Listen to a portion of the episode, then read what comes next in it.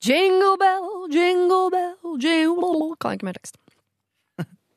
Jingle bell rock, er det? Ja, jeg tror det er, det er den i Hjemme alene hvor de går når han lager falskt eh, juleselskap. Det er vel ikke først og fremst en Hjemme alene-låt. Jeg tror den kom på 20-tallet i USA eller sånt. Det er det jeg forbinder med Bing. Crosby, liksom, fra Ikke ta jula fra meg. Det er det som er Herre min hatt, du. Jeg tenker fordi at uh, Siri For en ræva gjeng. Ja, ja fordi at Ja, ja riktig. Det, det, du, du sa det så godt. For du og jeg, vi, vi, vi er ganske uenige ofte om hva Livet. Nei, ikke ja, ja. Kjærligheten. Nei, ja. Men vi er uenige Vi diskuterer ganske godt, i hvert fall før sending, problemene.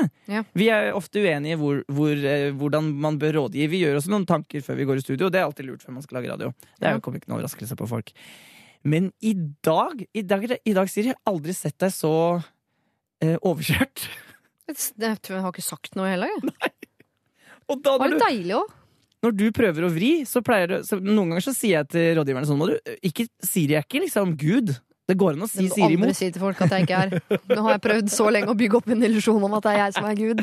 Men i dag var det helt Det er vilt! helt, men jeg, vet- jeg vet jo med Linn Skåber som- altså Jeg elsker jo Linn Skåber til døde. Hun, apropos Gud. Ja, ja. Altså, det og helt- Odd Magnus Williamson eh, kunne jeg sagt akkurat det samme om. Og også Gaute Grøttagram. Men det er jo tre veldig veldig sterke Det er som å ha tre ganger Erna Solberg på besøk, bare med eh, humor og en del andre eh, attributter til stede. Men, eh, Men sammen! Altså tre fantastiske mennesker. Men jeg sier som min far. Jeg ga opp! Det er en podkast, en dokumentar. ganske fin. Forlatt på perrongen, ja. snufse sitte med Pris, flaske rødvin. prisbelønnet, rimelig ålreit Mm. dokumentar. Snikskryt. Mm. Det er ikke snik, Nei, det er bare falskskryt. Men eh, Nei, så, det var, så du som skal Nå skal du kose deg med 1 time og 45 minutter med prat, og det er Jeg er ikke med. Nei. Nei. Og på et punkt der så måtte vi liksom Vi måtte bare si stopp til dem sånn, Mm. og, og, og prøve å si sånn Nå må dere høre her. Ja. Og de nektet å høre. Men de hadde det Altså, de, vi, alle, hadde det veldig, veldig gøy. Det er så mye humor at man tenker setter greiene der på en scene. Ring Elina Kranz. Men det er nesten så jeg vurderer at neste uke at vi tar de samme problemene en gang, til. til. Så Ja, vi kan få gi ordentlig råd. Nei da. Det, er no, det er noen fine råd òg, altså. Ja. Lykke til. Dette er Lørdagsrådet med Siri Kristiansen. På P3. P3. Hold on, we're going home, Drake eh, der. Det er jo et uh, godt råd til mange, kanskje nå spesielt før eh, jul. kan det være en fin tanke å ha med seg. Eh, før vi tenker på jul, så skal vi eh, gå litt bakover i, i livet. Tilbake til 5. november. Du husker kanskje den sendingen? Da var Jenny Skavlan her sammen med Hans Olav og en som het Gunn.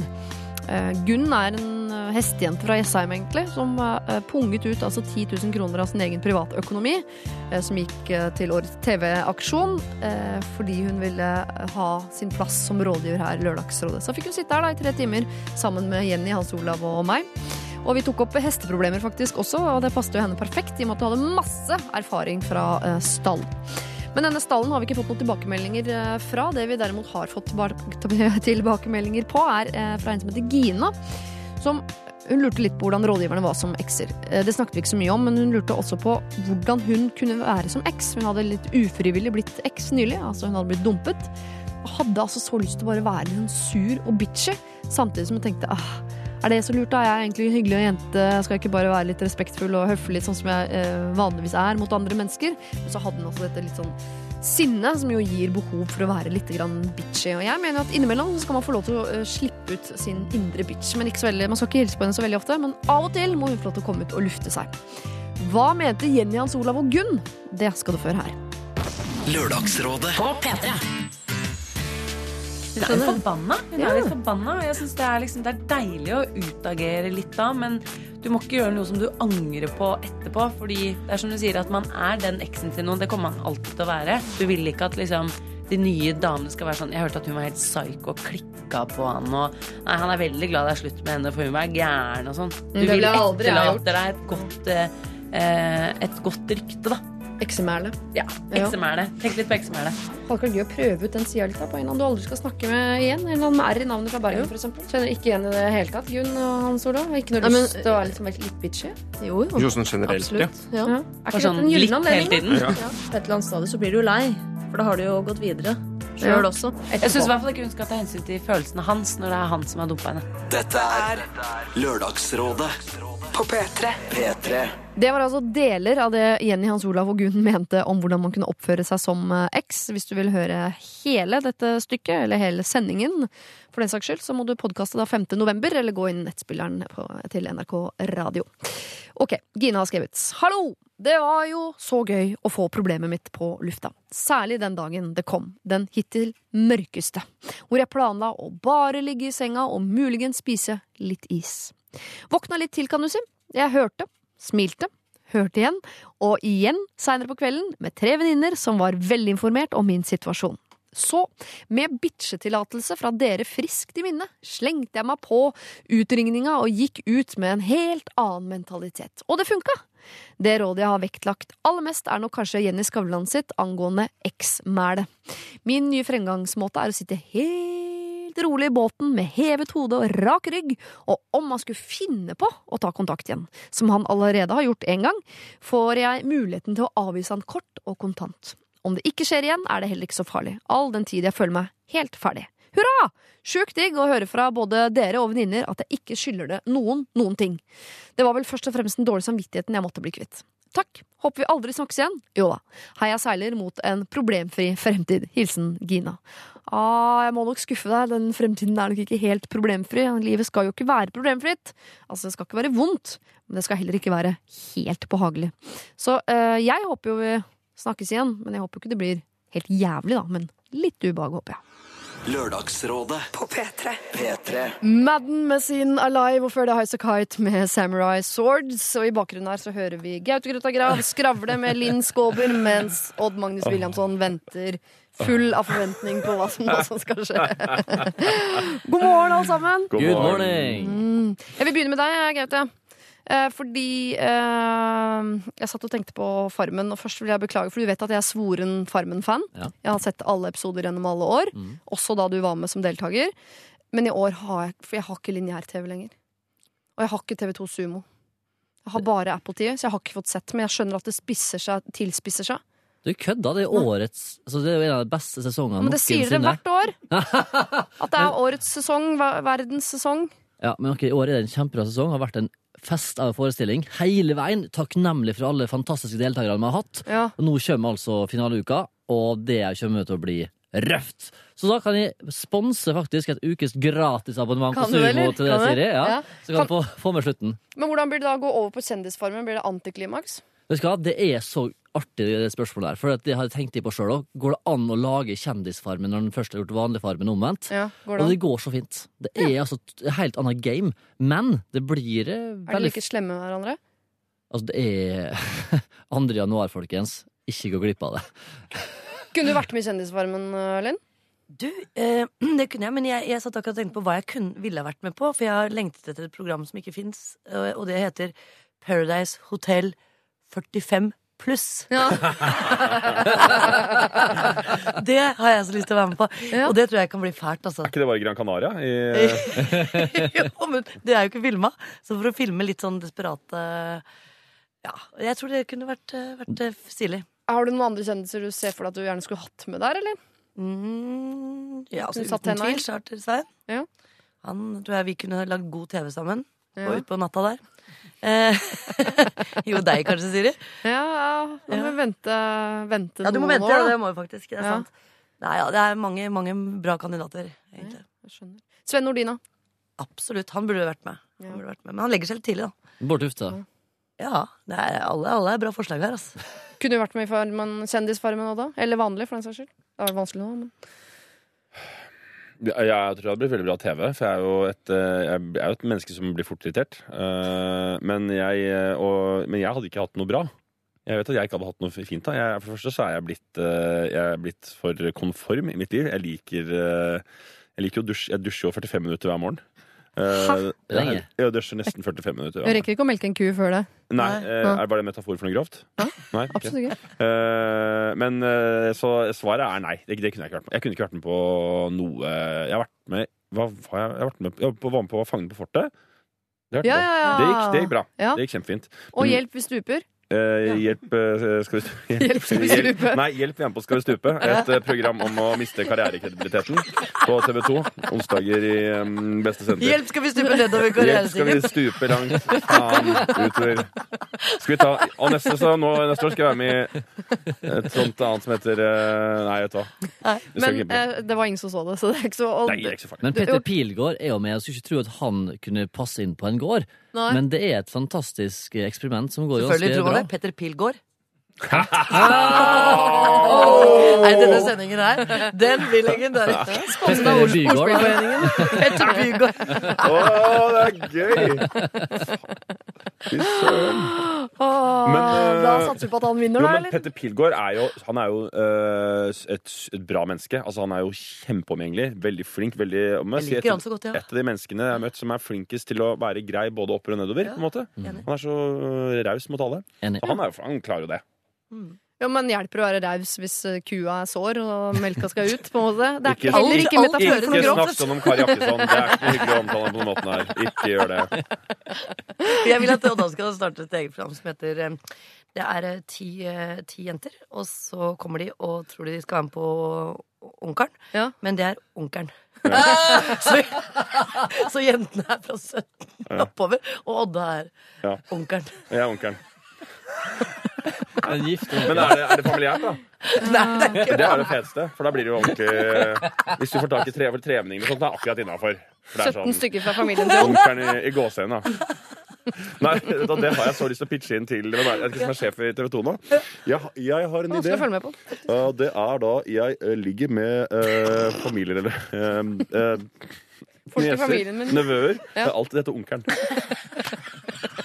Ja, men nå må vi tenke nytt lineært-TV er på fallet, så vi er nødt til å flytte grenser. Men skal du filme vanlige kameraer, eller bare sånn varmesøkende kamera, sånn som de hadde på det der sexprogram på TV3? Det er det vi skal. Alt skal filmes med sånn uh, nightcam, Ja, men sånn varmesøkende nightcam, hvor Ja. du bare ser bevegelse. rett og slett. Ja.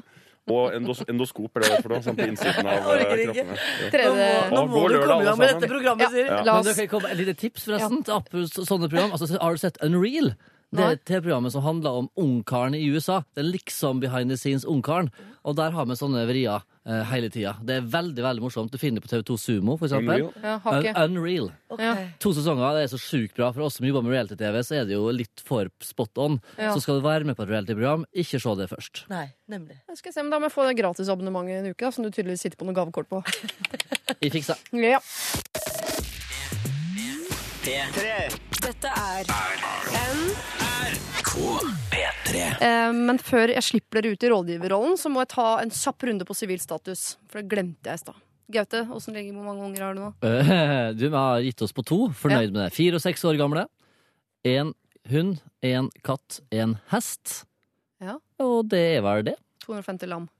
Ja, ja, masse, hest, masse hester, masse sauer og lam, ja, som nå har blitt slakta ned. Det er ikke så mange igjen nå, for nå er det jo vinter. Nå skal Ja. det fôres opp til neste vår, og nye lam kommer ut. Du har tatt det Farmen-konseptet ganske langt. Ja, og Du restaurantene i lar det skli, skli over eh, ekte liv. Eh, er det med deg, Linn? Ja, litt kjipt å komme etter Gaute Grøtta Grav her nå, kjenner jeg. Men eh, null dyr. Eh, og et par rotter i bakgården. og en sønn og en kjæreste. Er du samboer nå med denne kjæresten? Er det Ja, lov å jeg spørre er om? det, jeg er det, Å, altså. så koselig. Veldig. Ja. Mm. Det er ikke alltid det er det, da, men det hørtes koselig ut. Ja da. Og Magnus, det er vanskelig vanskelig ikke å ha fått med seg din sivile status, for den smøres jo ut over eh, sosiale medier Ja. støtt og stadig. Støtt og stadig. Ja. Eh, gift. Ja. En eh, datter. eh, datter. Eh, Mm. ingen dyr, så vidt jeg vet om. Eh, bror. Bror. Ja. Ja. Sønn. Både ektemann og kjærlig stefar. Ja, Vi er alle Guds barn. Ja, Ja, ikke. Godt oppsummert. det er helt sant. Ikke. Dere, nå skal vi eh, treffe en eh, som vil at dere kaller henne for Marie, og det skal vi gjøre. Hei, Lørdagsrådet. Jeg har et problem som jeg håper dere kan hjelpe meg med. Jeg kom, eh, har kommet opp i en økonomisk knipe etter oppussing osv.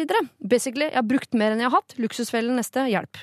Og nå har det seg sånn at jeg er nødt til å låne penger, nærmere bestemt ca. 10 000, for å kunne betale ned lånet på leiligheten for neste måned. Min bror har derfor tilbudt seg å låne meg disse pengene. Så til problemet. Disse pengene er narkopenger. Altså, han har fått disse pengene gjennom salg av narkotika. Å, fy Er det greit for meg Jeg begynner litt frisk i dag, er Ja, ja. Ja. Herregud. Er det greit for meg, for meg å låne disse pengene? Jeg kan legge til at jeg er veldig antinarkotika og vil absolutt ikke støtte dette på noe som helst måte. Men om jeg hadde lånt disse pengene, hadde det vel strengt talt blitt slik at jeg hadde hvitvasket dem på en måte. Jeg kan også legge til at jeg har spurt en venninne som stilte seg tvilende til dette fordi hun nødig vil eh, blande penger og venner, og det, og det respekterer jeg. Jeg kan også spørre foreldrene mine fordi de helt sikkert hadde sagt ja. Jeg er derimot ikke sikker på at de egentlig har råd til det. Jeg har også andre venner jeg kan spørre, men syns det er flaut å be om penger. Og disse pengene broren min sitter på, er jo der. Eh, Det er jo ikke som om jeg eh, at han, Det er jo ikke som at han får levert disse tilbake uansett. Jeg er 30 år, har fast jobb og får snart økonomien under kontroll igjen. Så hva skal jeg gjøre? PS. Ikke bekymre deg for broren min. Det går bedre med han, og disse pengene er gamle. Altså. Eks-narkoman bror sitter på en del Nei, penger. ikke eks-narkoman. Det har vi ikke sagt noe om. Vi har sagt at han selger narkotika. Er det ikke det? Mm, er det? Ja. Okay, da. Var det ikke det det var fra? Jo, Jo jo. da. Og den som narkoman bruker ofte opp seg pengene på drugs. Ja. Så Først av alt kred til denne broren som har klart å legge opp penger som narkotika. Jeg tror ikke jeg har hørt om noen som har, liksom, du har solgt, bortsett fra Pablo Escobar. Mm. Eh, noen som har eh, holdt på med å selge narkotika, klarer å legge opp en bit, Er liksom. det kanskje verre enn å slutte med narkotika selv? Å slutte med eh, salg av narkotika? Det burde finnes en sånn alternativ rehab for eh, selgere. Men det er godt, det er godt gjort, da. Ja. Um, nei, jeg må tenke, jeg, jeg, jeg, jeg må tenke litt, jeg. Er det noen Ja, som vil begynne, eller? Jeg kan begynne litt. grann. Um, mm, det er vanskelig, vanskelig moralsk eh, setting, det der, altså. Ja. Syns ikke det er så vanskelig, egentlig. Nei, kom igjen, få høre. Fordi at det her- altså, Når du skal låne penger av noen, så må du ikke spørre ja, hvordan har du tjent deg. Har du tjent deg på Nei. jordbærsalg? Eller har du vaska? Har du ligget med en fyr for å få pengene? Jeg driter jo i det. Jeg spør hei, kan, Linn, kan du låne penger? Så er det ja. Og så får jeg deg av det. Ja, ja. Og så er det gjort. Men det må huske på da, at du må ikke låne 10 000, så må du låne 9900 eller 9999 hvis det skal overføres via bankkonto. Helt Ellers begynner skattemyndigheten å, å trekke det for alle beløp under 10 000. Da er det greit. Jeg tror de pengene her er cash, ass.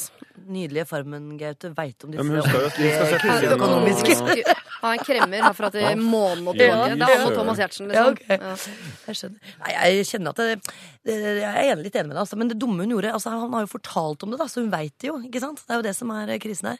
Ja. Det å ikke vite, det, det er mye lettere å forholde seg til. Kunne jo liksom, For å betalt moralsk tilbake, så kunne hun jo lånt de 10 000, og så lagt på 2500 kroner og kjøpt deg lik Oslo for da, etter en stund. Oh. Så du hadde vaska opp i samvittigheten litt. Ja, for Poenget her er at hun skal jo ikke for, forgylle seg sjøl, hun skal jo bare gi det tilbake igjen. Det er et lån. Ja. Så, det er ikke, så Sånn sett så har hun bare vært innom og sett på, lagd dokumentarfilm om hvordan bransjen funker, og gitt pengene tilbake. Å, men dette Ja, det er det, hvitvaskingselementet, det er jo i Ja, men i Hvis det det. er cash, så er det ikke hvitvasking. Så er det poenget at du må overføre pengene tilbake på konto, er det som er caset?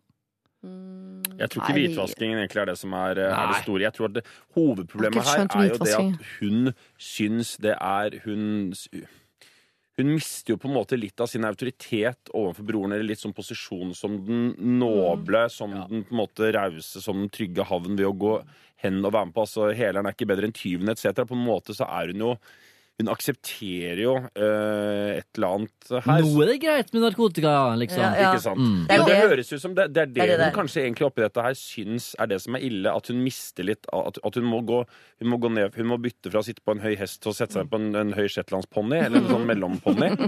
Og det er den statusen hun jo mister, da. Men eh, så må jeg jo si det i forhold til å miste status overfor sin bror versus å betale husleia. Da hadde jeg, jeg hadde lånt de penga, tror jeg. Så det har vært litt sånn at vet du hva, Vi er alle snuskete mennesker og vi gjør Eller både bare bli enige om at det aldri er nevnt. Altså, jeg aldri nevner det igjen. Vi bare later som jeg har drømt det. Ja, men det er 10 000 er kroner. nå. Hadde det vært 100 000, hadde vært en million. Altså, det, Ja. det, det, er, altså, ja, det er masse penger, bla, bla, bla, men det er ikke masse penger. Men det du, det du må tenke på Det var første dosen, da. Begynner med 10 000. vet ja. Men det du, men nå sa hun jo at ting gikk bedre og sånt, da. Men du, må, du, må, du skal tenke på det at det er eh, man, Hva kaller man det for noe? Prisen for ikke å betale prisen. Altså sånn hvis du har en, en kompis som er snekker, og så sier du 'kan du komme og fikse noe', og så gjør han en jævla dårlig jobb, så kan du ikke klage. Ikke sant? Nei, nei. Og det er litt det samme her nå hvis hun går inn i dette her med at hun låner penger fra han fordi det er enkle penger. Jeg tror hun, du kommer nok til å miste et eller annet som nok blir Men kanskje du føler det nærmere også? Men tenk hvor lykkelig hun er da når hun sitter eh, Når hun selger denne flotte leiligheten sin og flytter inn en mye mindre enn fordi hun ikke har råd. Og maler veggene da med nydelig god samvittighet Og narkopenger. og nei, omvendt, ikke sant? For hun klarer ikke å betale. Hun sier nei takk, jeg vil ikke låne. Flytter i mindre leilighet. Har det deiligere, for hun virker som en moralsk jente i utgangspunktet. Som kommer til å få trøbbel med dette. Det er Kanskje ikke vi tre umoralske som sitter her, hadde, vi hadde blåst, blåst i det. Men for hennes del og hennes moralske hjerte, så, så bør hun kjøpe seg en, eh, en ettroms på, på, på Leie. I leie. Og sitte der og ha det fint og invitere broren på middag og være mye større enn han moralsk sett. Da, eh, vi putte inn vi skal høre Ari med The Sea, men jeg vil bare eh, minne dere om en ting her. At det virker som hun egentlig har ganske mange andre muligheter til å få lånt disse pengene. pengene. Så Det det er det. er noe som gjør at hun syns det er litt ekstra spennende tror jeg, å låne de av bror. For den moralen som kommer inn på at eh, mamma og pappa kan låne pengene, men jeg vet ikke om de har råd, det tenker jeg Hun vil nok ikke ja, låne hun, har, hun, har litt, hun syns det er litt spennende dette her Jeg også, kan, så ti vi skal jeg ta kan med tise lytterne med at jeg har opplevd noe av det samme som jeg kommer til å fortelle om etter denne låta. Oh, shit.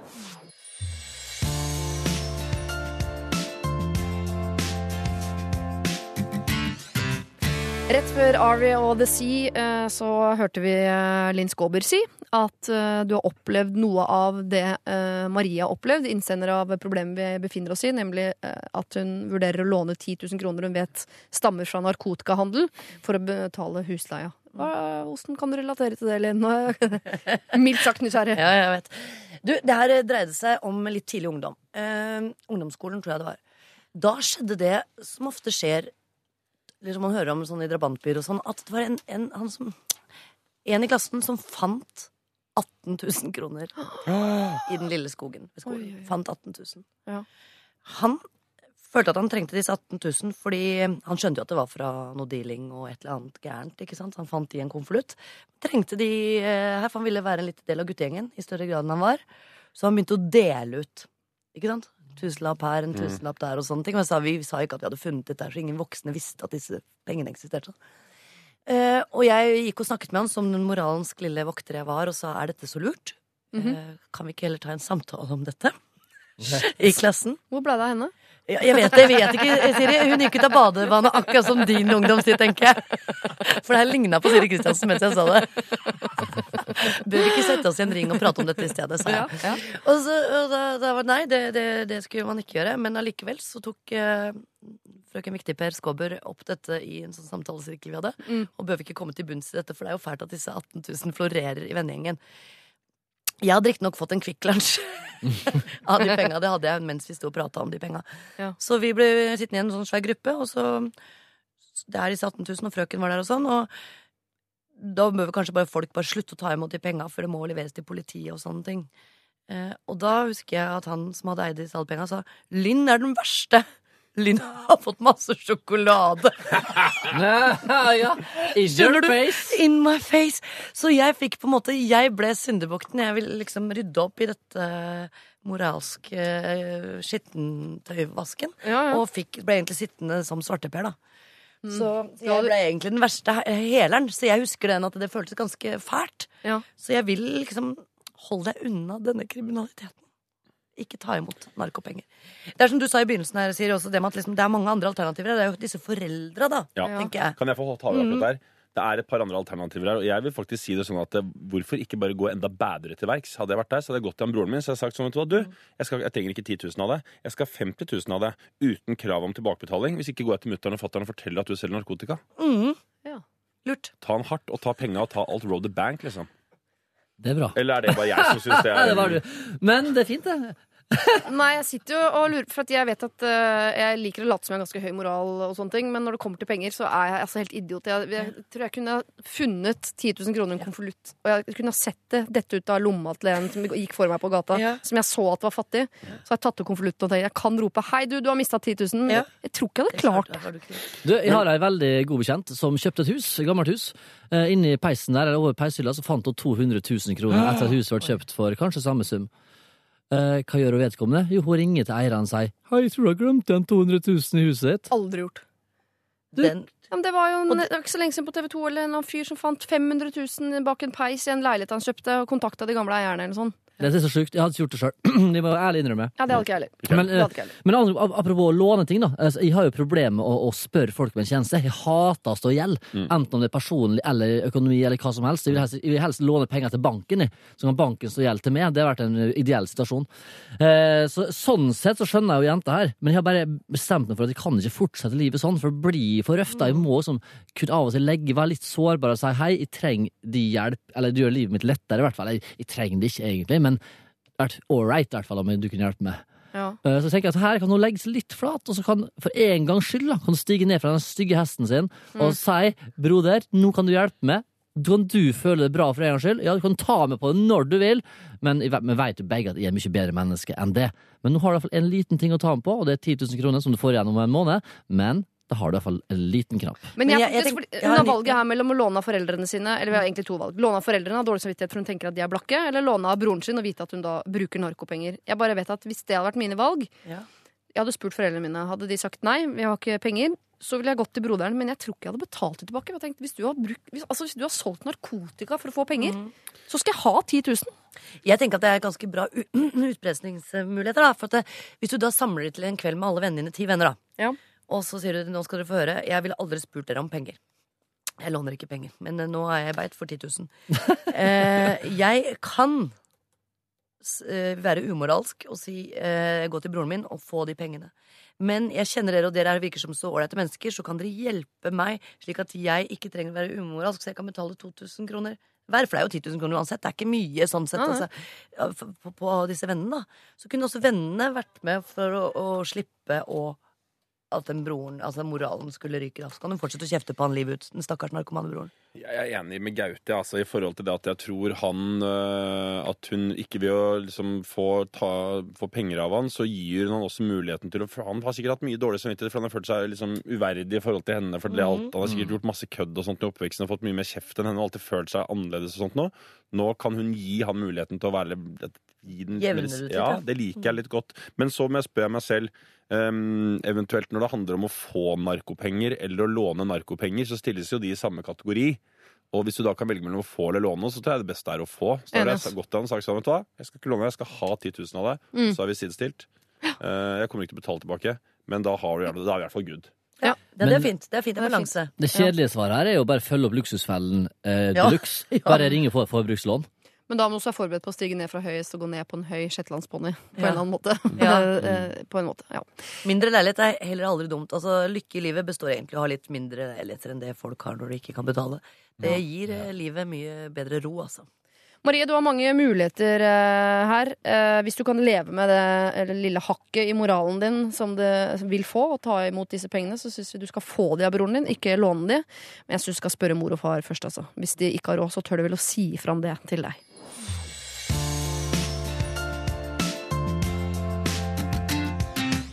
Gaute Krutt og Grav er rådgiver i dag sammen med Odd Magnus Williamson og Linn Skåber. Og vi skal fra narkopenger og til eh, jul. Eh, min samboer har skilte foreldre og er vant til å feire jul med dem annethvert år. Jeg har også skilte foreldre, men feirer kun hos min mor. En folksom julaften med 14 familiemedlemmer, store og små, kos og kaos, småbarnssang, dans rundt juletreet, pakkeåpning til langt på kvelden. En julaften jeg elsker og ser mye fram til. Min søster og hennes tre barn ser jeg sjelden, men de feirer jul hos min mor hvert år, mens storebror er der annethvert år. Min samboers familie og søsken bor i uh, samme by og er til stede hver eneste jul. Julaften er viktig for oss begge, og nå som vi venter barn, starter diskusjonen om hvordan fordelingen skal foregå. Han syns det er rettferdig at vi er hver tredje jul hos de respektive. Altså ehm, det vil si at jeg må vente tre år på å være sammen med min familie, noe jeg syns er forferdelig sårt og vanskelig, mens han får være med sin familie to år på rad. Han mener jeg tenker kun på meg selv når jeg vil være hos min mor eller med min familie annethvert år, til tross for at det er langt fra sannheten. Samtidig har han et vanskelig forhold med sin far, og besøker han, ofte, han besøker han ikke ofte, og når han gjør det, så er det negativt ladet, noe som gjør meg bekymret for at den julen hos han ikke blir så veldig koselig. Helst vil jeg jo feire jul hos våre mødre og være heller sammen med faren hans ellers i jula, men jeg møter skepsis, og vi er langt fra å bli enige. Det hadde vært interessant med deres synspunkter i saken, Andrine. Du skal få mer enn synspunkter, Andrine. Du skal få råd. Det er, litt, det er mye matte her. Ja. Eh, men hun ønsker jo annenhver jul hos de to familiene, selv om familien er delt opp. i, i flere fragmenter. Sier hun noe om geografi sånn i forhold til hvor langt unna de bor, om det er helt umulig å dele? Mye dele? samme by her, virker det som, var det ikke? Ja, eh, altså Samboeren hennes bor i samme by som sin familie. Det gjør ikke hun. Så hun Nei, ser ikke de familien må sin reise i like så fall når de ofte skal som det til- han Ja, gjør. ok. Nei, du må skille deg. Før babyen kommer. Før babyen. Før babyen kommer, så ikke det blir mer trøbbel. Men eh, vet Så da du får hun bare vært sammen med barnet sitt annenhver jul, men Ja. moren sin kan du se hver Da jul. blir det mora hver Ja, jul. ja. Det artigste med å bli foreldre egentlig, er jo at en gjerne flytter fokus fra seg sjøl til barnet. Og det er en jævlig deilig eh, sideeffekt av å være foreldre, syns jeg. da. At plutselig så er ikke mine behov så innmari viktige lenger. Det er plutselig hva er beste for ungen, så vi jeg ta mine egne behov litt seinere neste år eller en annen gang. Åh, glem at det slår inn hos meg, altså. Jeg tuller. Det er Ja. kanskje ikke når ungen er ett år eller null år og tre år, men når ungen begynner å bli to, tre, fire år, så begynner jeg å tenke hvordan skal ungen her få den mest optimale jula? Og kanskje er det ikke det å være hos noen andre. Kanskje skal jeg begynne å tenke på skal ikke vi lage jul hos oss? Helt enig! Og så kan folk komme til oss. Det er det hun ikke har skjønt Ja. ennå, vet du. Det er akkurat det. Hun har ikke opplevd det nå. Ok, Det er et kjempegodt alternativ uh, som jeg er helt Ja. enig i. At Andrine selvfølgelig skal feire jul hos seg. Nå vet vi ikke hvordan Andrine bor. Kan jo bo i en trehytte for alt vi sant. Vi, vi tar eh, utgangspunkt i det. Ja, vi tar utgangspunkt i det. Men hvem skal komme, da? Skal det være åpen invitasjon til alle? Eh, Slekta på begge sider? Og Ja, det, er veldig, altså, det er veldig søtt at hun begynner, altså, begynner brevet som veldig mange nordmenn gjør, og som jeg synes er veldig flott. Men for meg så er det liksom helt omvendt. da Men hun sier sånn nå, det er 14 familiemedlemmer og masse unger og dans rundt juletreet og til langt på kveld. Det er så nydelig. Og jeg, sånn, jeg trodde hun beskrev et mareritt, liksom. ja. Jo, men for, Noen det syns jo det er helt forferdelig, og noen elsker det. Ja, og jeg skjønner at hun elsker det, siden hun er så glad i denne, denne Men hvis hun elsker det så mye, så tenker jeg at det kan da ikke være så vanskelig å dytte inn et par til. Nei. Fordi da vil hun få enda mer kaos, og enda mer eh, grining og, og pakker og julen rundt juletreet og rundt og rundt og holde på. Så Og det må enda mer fantastisk stillhet i det alle har dratt. Den, Nettopp. den, at den Det det. stillheten vil bli enda deiligere å stille. Ja. Du skal døtte inn, altså Da får hun en hel svigerfamilie på besøk hvor det er to som er skilt, og som kommer fra en annen by og som må overnatte. Men det er og han deres faren er valg. sur og Det er deres valg. Det er ingen som føler seg tvunget til å komme på besøk. Det er bare sånn, Du er invitert. Ja. Si fra når du kommer. Gjerne én dag før, da, så vi veit liksom hvor mange stoler det er her. Ja. Jeg skal fortelle et ganske rart alternativ som eh, jeg har vært borti selv. Ja. Kjør musikk. Så skal jeg... Nei, det... Dramaturgen i Linn har Da jeg var liten, så var det en gutt i klassen som fant masse penger i skogen. Og han brukte alle pengene på julefeiring. Ja, det var Var så glad julepynt. Nei, men du, dette er sant, faktisk. Jeg har kommet med et veldig godt råd. Ja. Er dere klare? Ja. Som jeg har gjort selv. Jeg har jo barn med meg genser. Mm. og Er det så tøft for deg å snakke ja, om? det gikk over alle. Unnskyld, jeg må bare ta meg en slurk. Kanskje du skal spille litt musikk? Fader, du driver faktisk på å kjøre hype opp her. Bygge, bygge story. Bygge story. Ja, falsk hoste. Lite kjempespent. hosteanfall. Falsk Nei, grupp. Så var det jo det som skjedde at det var liksom vanskelig i den perioden, for det var ja, samme det. Men det var noe som gjorde det var litt dødsfall, faktisk. Så vi kunne ikke dratt til det ene stedet, og kunne ikke dratt til det andre stedet. Og da var det noen som foreslo skal vi møtes på midten. Skal vi møtes på Geilo, på høyfjellshotell. Og jeg syntes det hørtes ut som en fantastisk idé. Og så husker jeg vennen min sa vet du, når du har vært på det høyfjellshotellet, så kommer du til å hate det. Du kommer til å hate det så mye. Altså jul på høyfjellshotell, det kommer til å bare være det verste du har opplevd. Skal nå se på det, da. Så dro vi opp. En av de kuleste julene jeg har hatt. Oi. Med barn og sånn. Ja, ja. Småbarna løp i gangene, det var gaver, det var stort.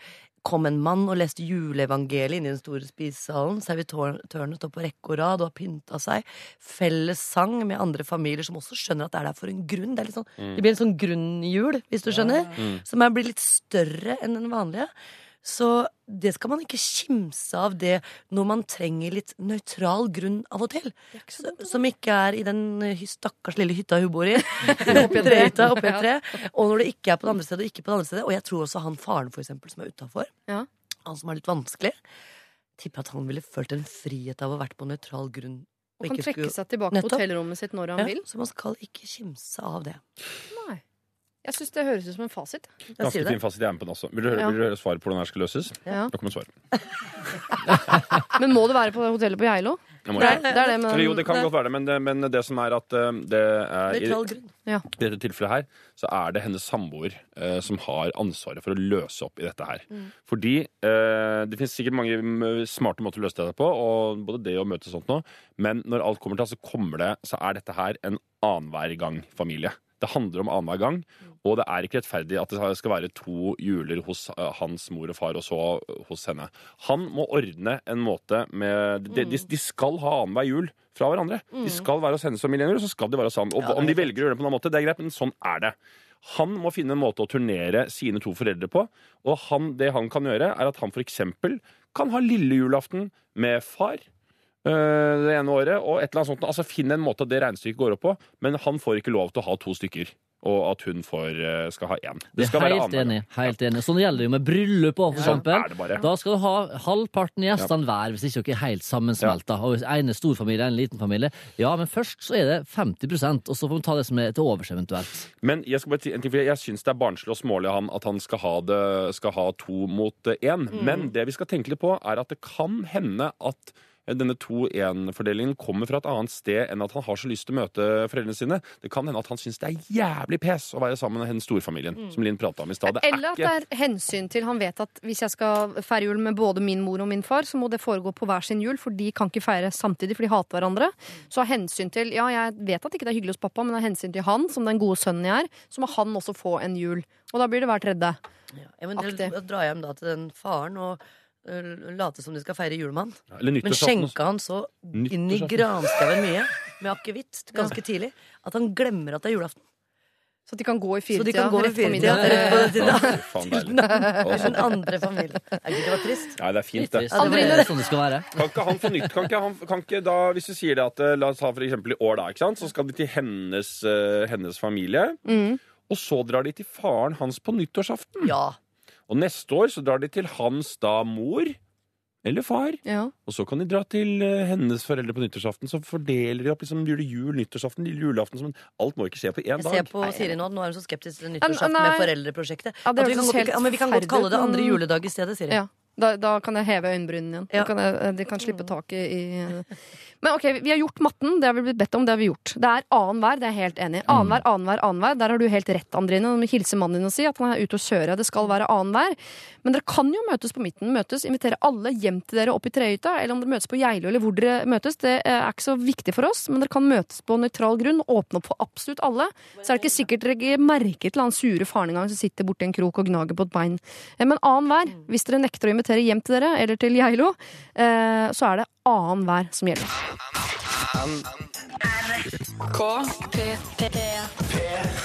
Dagny sammen med Burns og sin Fool's Gold har vi hørt idet vi skal gi råd til en som kaller seg for Jovialen, på 29 år altså.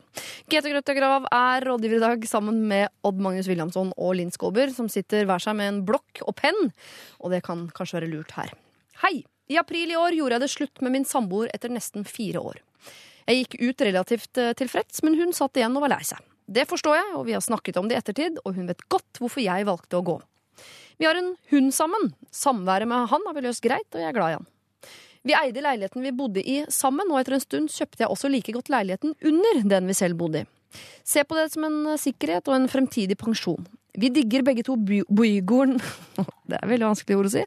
Vi digger begge to bygården vi bodde i, og alle naboene. Leiligheten under ble raskt leid ut, og dette har fungert bra til nå. Eksen kjøpte meg ut av leiligheten vi bodde sammen i, da dette økonomisk sett var best for henne, pluss at den var totalrenovert. Jeg beholdt leiligheten under, og vi fortsatte å leie den ut. Jeg har da bodd i en annen leilighet i nærområdet fordi det er bra for hundelogistikken. Jeg jobber mye borte, jeg har turnus i Nordsjøen og reiser en del når jeg ikke er på jobb. Nå har jeg innsett at jeg ikke er så mye hjemme, rett og slett fordi jeg ikke trives hjemme. Leiligheten er jo ikke min, og det er ikke noe god energi der. Så til problemet. Leietakerne har sagt opp. Skal jeg nå ta leiligheten min tilbake og flytte inn i under eksen? Oi! Jeg savner bygården, har et godt forhold til den, eh, siden jeg har vært med å bygge boder, holde orden og fikse ting som dukker opp hele veien. Og naboene er fantastiske, med samvær og grilling og julebord og alle andre hyggelige kvelder sammen. Jeg har igjen spurt henne om hva hun eventuelt tenker om at jeg flytter inn under henne, og hun har svart. Hun ser helst ikke at det skjer, fordi hun ikke vil være vitne til mitt nye liv. Jeg har prøvd å forklare at mitt såkalt nye liv ikke er så voldsomt. Jeg jobber mye, og jeg er sjelden hjemme. Så hva gjør jeg da? Skal jeg være raus og la være, eller skal jeg la hun lage seg eh, et problem ved at jeg bor litt for nært? Hilsen Jovialen 29. Han har jo spurt, Du, men så skal er han ikke helt ting? enig i svaret, da. Eh, en gang så fikk jeg en eks, og hun sa Du kan ikke være på Grünerløkka. Det er mitt område. Mm. Altså, du kunne ikke bevege meg der engang. Mm. Og det er ganske rått å si. Jeg Det, var ikke, det, er ikke helt bra. Nei. Men jeg har ikke vært på Grünerløkka siden, så jeg har ikke Er liv? Ja, men jeg forstår, jeg forstår det. Og Men da jeg, har hun meldeplikt når hun flytter derfra, så du vet at du kan bevege deg der igjen, ikke sant? Ja, for det er ikke så, så hvis hun flytter jeg et nytt område, det området òg ulovlig for meg å være på, da? Sånn, Men er det fordi hun er redd deg fysisk? eh, ja. jeg, jeg skjønner hun best, jeg. Du skjønner henne best. Ja. Det For føles hun er veldig, veldig glad i han og har masse følelser igjen. Massevis av kamera og saker og ting. Og er inne på Facebook-siden hans og følger med litt på livet hans og innimellom og syns det er vondt og skulle ønske det var de to. Og, og da syns jeg at han skal få lov til å la henne vokse i fred noen år til. Det kan godt hende at, eh, den, at han kan flytte inn i den bygården om at den sorgen gir seg. Nå vet ikke jeg akkurat hvor lenge det er siden det ble slutt. Står det det? Cirka? Var det noe ganske I april. April, I og nå år. er vi i Halvt år. Nei, vi halvt i år? desember, ja. Nei, du må gi deg halvannet år til, kompis. Så, Oi! så kul kan du Ja, kjærlighetssorg tar to år. Kødda, Så, eller? nei. Det er lenge, ja. Kjærlighetssorg å slutte å snuse tar to år å få ut av kroppen. Jeg trodde at tre måneder alltid var der fint, Nei, ikke når det er, de har vært sammen i fire år. Da er det to år Ja. med Så vet du hva, du kan få flytte inn om halvannet år. Inntil det kan du være kul nok til å la henne få livet sitt på beina igjen. Du valgte å gå, du må la henne vokse. Hvis du har vært sammen har... i seks måneder, hvor lenge må du vente da? Da venter du et kvarter. Ja, ok. Ja. Nei, men fire år, det er jo Nei, vet det, er, altså, det han gjør, er så fornærmende, på en måte, vil jeg oppleve det som. Altså, det er virkelig fornærmende å si til et menneske, fordi det er plutselig ikke noe praktisk å gjøre engang. Det er sånn det, det er det der følelsen av at du skal være kompis. At han forlanger at du skal være kompis, men hun sitter med den største kjærlighetssorgen. Så han må ha respekt og i hvert fall spille med at dette har vært viktig for meg. Enn å tenke at liksom, ja, men skal ikke vi være bestekompiser om et kvarter, da? For det er litt fornærmende. Det er sånn, Kan vi være venner? Ja, Det må du ikke si. Du må enten si 'jeg håper at du dør', eller at du, det skjer noe med deg, men ikke at vi skal være venner. For det er, da vil det si at liksom At det ikke har betydd noe, det som har vært. På en måte. Og så syns jeg det er hundegreiene folk holder på med. Det er sånn Oslo-greier. Jeg jeg slenger meg på øynene. Nå skal jeg bli bonde sånn som Gaute. Ass. Vet du hva? Det, altså, den bikkja skal ikke være et problem. Det er et dyr. Mm. Den kan enten settes bort, eh, kjør den på landet, slipp den i skauen. Nei da. Men altså, dere bør i hvert fall ikke tenke på det som en sånn fordeling at det skal være et kjempeproblem. Dyr er Men det ikke høres jo ikke ut som at det var problemet. Problemet var ikke nødvendigvis det dyr kom bare inn som en litt sånn der at De eh, bruker det, da. Jeg føler seg som man, eh, Hva heter han for noe? Jovialen. Jovialen. Bruker det som litt sånn der greie med å si at eh, nå er jeg bold. Jeg syns Jovialen er eh, kneppe, er kneppe kynisk her. Jovialen er for jovial, rett og slett. Rett og slett eh, jovial med negativt Ja, fortegn. det er det.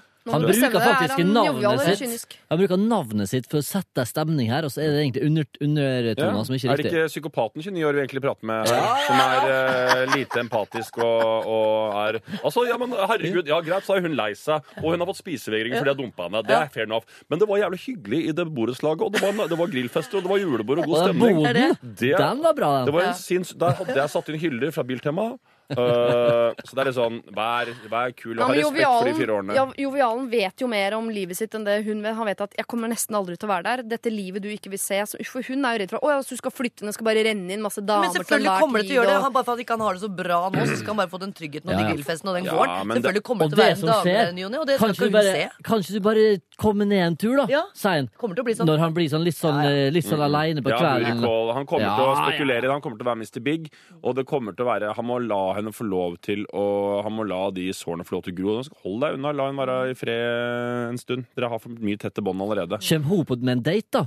Så kommer han til å stå sånn i vinduet og bare 'hallo', ho, Ja, ja, ja, ja. ho, ho, flekse med nye muskler. Eksen min går rundt meg bare vet Nei, drit. Ah. Men det er jo det er hans leilighet, og han har, det er ikke, han har ikke vært slem mot henne. Han har gått fra henne, for han var ikke forelsket i henne. Det, Han er ikke ondskapsfull. Nei, men da må han han har spurt, så han tar eh, hensyn. Men går du fra, så må du ta ansvar. Det krever ansvar. Da Du kan ikke bare gå fra og så komme tilbake.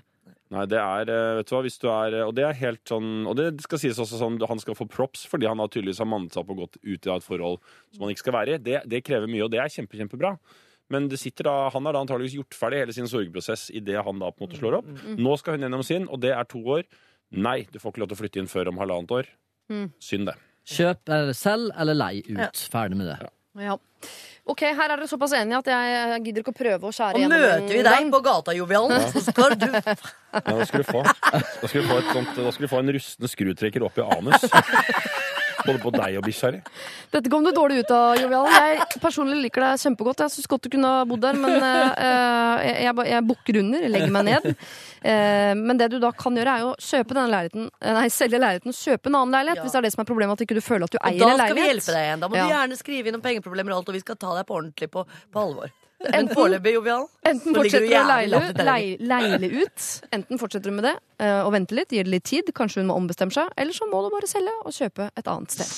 Lørdagsrådet med Siri Kristiansen. På P3. P3. Og nå skal vi treffe en som heter Svein. Hei, Svein. Hei, Svein. Eh, du har skrevet Svein i hjertet på din lapp, eh, Odd Magnus Williamson. Ja, Du elsker han allerede.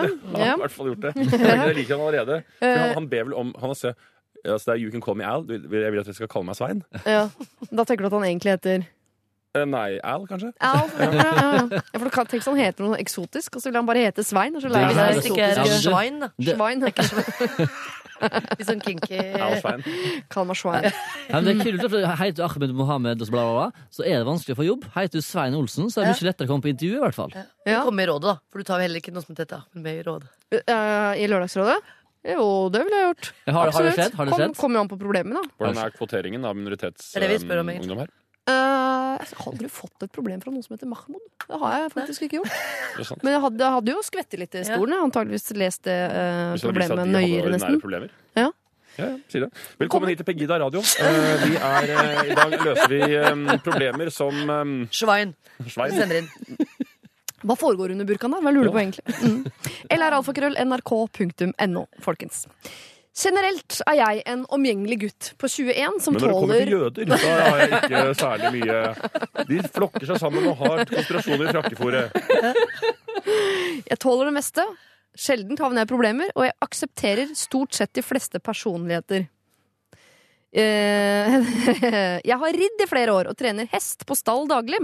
Den siste måneden har jeg havnet i en vanskelig situasjon. Det har nemlig flyttet noen nye naboer til bygda som også viser seg å være hesteinteresserte.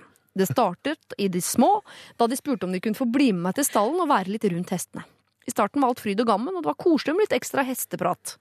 Men nokså fort så ble de vel varme i trøya og ga utløp for sine egne planer om å kjøpe hest. Dette førte naturlig videre til et spørsmål til stalleier om det var ledig plass. Virket, eh, de virket som koselige og ordentlige folk, så svaret ble enkelt og greit ja. Det har nå gått noen måneder, og det viser seg at disse folka er langt mer sosiale enn jeg først antok.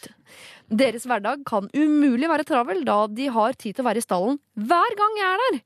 Min fleksible skoletimeplan gjør at jeg kan være i stallen til forskjellige tider på døgnet. Men uansett hvor diskré jeg prøver å kjøre forbi, den, eh, forbi dem med min stillegående Ford Ka, så dukker de opp i stallen minutter etter at jeg har parkert. De har ennå ikke noe hest i stallen, så deres aktivitet går ut på å studere mine handlinger opp og ned i mente. Men jakten på hest, ja, den er intens. Dette har videre ført til et uhell, der jeg har sagt ja til å bli med dem og prøve hester som er til salgs, noe jeg virkelig ikke har tid eller ork til. Jeg er som sagt en høflig type, men hvordan skal jeg klare på en diskré og uhøflig måte å distansere meg fra disse riktignok snille menneskene? Ja. Som situasjonen er nå, så gruer jeg meg veldig til deres nye hest kommer til stallen. Det er kanskje vesentlig å ta opp at det er flere i stallen som har lagt merke til dette såkalte problemet. Takk på forhånd. Kall meg gjerne Svein. Ja. Svein. Jeg elsker Svein. Jeg elsker Svein, ja. Å, Svein, du må bare drikke deg opp. Du må drikke deg til mots. Ja. Og skjelle deg ut. Å, fy søren. Ja, men altså, det er jo Her kommer vi jo til Altså, jeg føler at dette her er jo kvintessensen av problemet for mange norske menn. Mm. Og det er jo eh, Nå bare hoppa jeg på problemet. Men, Jeg gjør det, ok, ja. Kjempebra. men at det er sånn derre at jo lenger man utsetter å konfronterer noen med noe, jo vanskeligere Ja. blir det. Ja. Og så blir det til slutt umulig. ikke sant? Og det er den der tresekundersregelen. Man må egentlig, Hvis noen er irriterende, så må man ta det med en gang. Men det er jo veldig vanskelig, sånn tilfelle, særlig med folk som virker såpass positive. Men, Dette er grunnen til at det er så mange som er konfliktsky, for vi venter med å si fra om ting til det faktisk har blitt en konflikt. ja, ja, det er Hver eneste gang. helt sant. Men hvordan er det? Altså, hvordan, vi, vi, vet jo det. altså Løsningen er jo konfrontasjon på en eller annen måte. Men diskusjonen er vel hvordan skal den konfrontasjonen gjøres? Er det mulig? Jeg tenker jo brev. Jeg, skriver, jeg tenker tekst. Tekst. Tekstmelding. Mm, ja. Hva skal det stå der, da? Den kan jeg godt formulere i en Ja, pause. nei, hvis nei, det for, nei, for, en det kan komme så dårlig ut alt sammen, liksom. For at jeg, jeg har lyst til å være aleine med hesten. Alltid i stallen. Hvorfor det? Altså, eller altså, Nå har jeg løsningen! ja, ja. Å, nå hørtes det ut som Olaf! i fest! ja. Og løsningen, altså det du må gjøre altså Det er ikke sikkert. Ja. Men Altså, er det én ting litt. Jeg er ikke fra Oslo vest. Leneborg, Jeg bor ikke på Oslo vest. Jeg liker ikke de, mange mennesker fra Oslo vest jeg ikke liker. Ja. Jeg liker i hvert fall ikke borettslagene på Oslo vest, fordi det er så mange regler og, og ryt, sånne paragrafryttere der. Men hvorfor er alle disse reglene satt inn? Jo, det er jo fordi at folk skal få lov til å få være i fred. Det må innføres regler i denne stallen Ja. som handler om antall ord som kan brukes hver dag. Ja. Når man skal få lov til å være Sånne Ja, er regler som man sier igjen mener du- Ja. Jeg vet faen, jeg, Men nå er jo både passiv- I og Linn faktisk hestejente, holdt Ja. på å si. Eh, hestegutt. Var, da vil jeg si. Mm, riktig. Ja, men, Ja, var. mm. Mest var, ja. Men jeg bruker hest som eh, transportmiddel fortsatt Ja. i jobb i, da. Eh, du, hvor lenge siden har du ridde sist? Lenge siden, altså. Men- jeg må ikke skryte av det, men jeg er veldig interessert. Jeg elsker hester. Jeg syns det er veldig hyggelig å være i stall og sånne ting. Og det må, må være Jeg skjønner Svein så godt. Det må være så frustrerende. Kjenner du altså- deg igjen i problemet, Linn? Har du opplevd en lignende historie på et tidspunkt? Eller?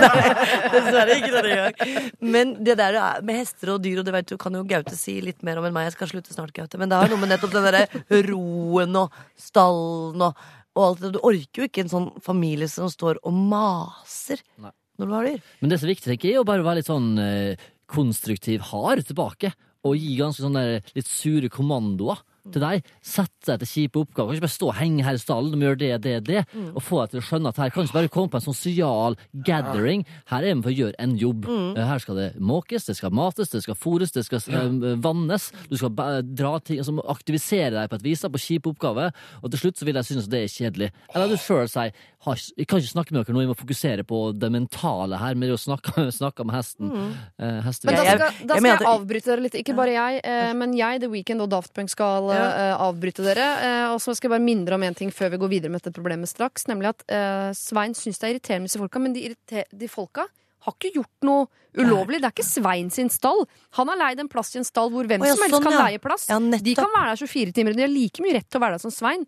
Så at det kommer noen inn fra sidelinjen som Svein syns er irriterende, så kan ikke han si sånn 'Jeg liker ikke dere, og jeg hadde hest her først, så da kan ikke dere være her lenger'. Det, det er ikke én, to, tre, ikke Hvis flere regler her. hvis det er en sang her. som kommer nå, Siri, Nå kommer det en sang, ja. Det er helt så riktig. vil jeg gjerne si at uh, dette problemet løses rett etter den sangen. Og det går på dyrenes premisser, og jeg har en kjempegod idé. Og jeg vil også formulere en tekstmelding til eh, disse eierne fra Ja. Svein. Ja, Mhm. bra. Ja, det får du straks. Ok. Dette er er P3. The Weeknd sammen med Daft Punk I Feel It eh, Coming. Og tilbake i stallen. Der står Svein eh, sammen med hesten sin. Og dessverre så eh, står det to andre der også, som ikke har hest. De har veldig lyst på hest, men de er der hele tiden til Sveins store irritasjon. De har ikke gjort noe ulovlig. De har like mye rett til å være der som Svein, bortsett fra at de burde jo selvfølgelig hatt en hest, da. Eh, men den kommer antagelig. Eh, men nå vil Svein på en eller annen måte bli kvitt de. Det har han jo ikke rett til, men eh, åssen er det du mente du satt på en løsning, Linn? Og Odd Magnus, du formulerer en SMS Ja. til eh, Altså fra Svein til Begynner jeg med min løsning, for jeg har følelsen at den her kommer vi til å gå for. Å nei, det tror jeg ikke, men uh... Nei, ok, vi skal se. Du, det er så enkel løsning, og jeg, om jeg må si det selv mm. Du må si det selv, for jeg aner ikke hva. finurlig. ja. eh, hva heter hesten? Vi skal si at den heter Odin. Det er godt hestenavn.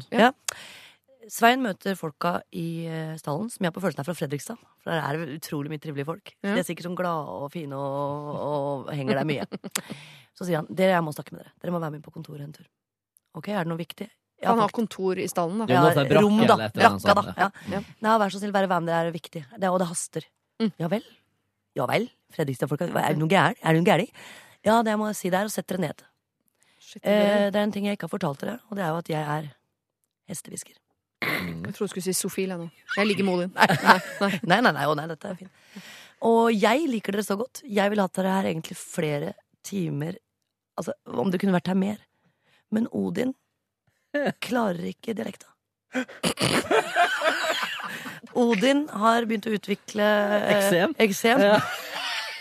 Og jeg liker dere så godt, men jeg kan ikke overprøve hesten min når han hvisker til meg om kvelden at han dauer snart, hvis dere kommer. Så hadde det bare vært meg, så skulle du få vært her døgnet rundt. Hva syns du om det? Er det jeg ganske synes det er kjempebra. Ja, takk. Ja. det er kjempebra. Hestehvisker. Ja. Hestehviskerløgn. Ja. Det hadde vanlige kortet. Ja, det er Kan man sende det på SMS? Vi skal høre nå hva Odda jo, det, vi, kan, vi kan merge det Ja. med det som står her. Vi kan lese SMS-en, så kan vi se hva vi skal bytte ut. For jeg tror dette her ble ja, vi, vi leser. Ja. Jeg tipper det er grovt, ja. Nei, det er ikke røft. Eh, det, men det skal sendes på Det som er viktig, at det må, er ikke egentlig hva som står, men at det sendes på julaften. Det er viktig Ok. klokka Så det er tretida. Etter, ja. ja. Mm. Hei, dette er Svein fra Stallen. Først av alt, god julaften. Jeg ønsker meg en ting til jul. Det virker kanskje rart, men eh, her kommer det. Til jul ønsker jeg meg å få være i fred i stallen. Stallen er mitt område for egentid. Jeg trenger å få være alene når jeg er der, uten å snakke med andre enn hesten min Odin. Som dere sikkert skjønner, er det ikke dere det er noe galt med, det er jeg som er fucka. Håper ikke dere blir støtt. Dere er ikke de første hestesosiale i stallen jeg sier fra til. Med vennlig hilsen Odin og Svein. Ja, det var jo Ja, det er ikke deg, det er meg-aktig. Men det er hardt, altså. Jeg hadde blitt litt- Og så så, så, så ondskapsfullt at du vil, vil du ta det før klokka fem, eller akkurat når det ringes inn? ja, før fem. For da har, har de noe å prate med den hele julaften. Så kan Ja. vise, uh, men uh, jeg tror at det går an å si Hvis jeg har fått det som melding, så tenker jeg sånn Ja, kanskje det er vi som er litt uh... Ja. Det er veldig effektivt, for du tør ikke å komme i stallen etter det der. Ikke sant? Så det, altså, resultatet er jo veldig altså, Du oppnår jo det du ønsker, men allikevel så må du jo Dette er jo naboene hans, skal dere være klar over. Og jeg liker, jo, Hjemme. jeg liker problemstillinga egentlig, men samtidig tenker jeg livet er jo ikke helt sånn at man bare kan fjerne de folka vi ikke ønsker. Om det er familie eller omgangskrets eller Det er ikke hans stall, vet du. Det er ikke hans stall, så du må bare handle it, man! Som jeg sier i Ja. Isfjorden. Og søkker opp, liksom. Suger opp og tar det Nei, ja, men, og men det må være så, er så jævlig vennlig tilbake, så vil ting gå seg til. Altså, det må være, litt- han må være hard tilbake helt enig og si ifra, eller bare være litt mer på. Men han kan ikke Han har invitert deg inn, av og til gjør deg investering som du angrer på.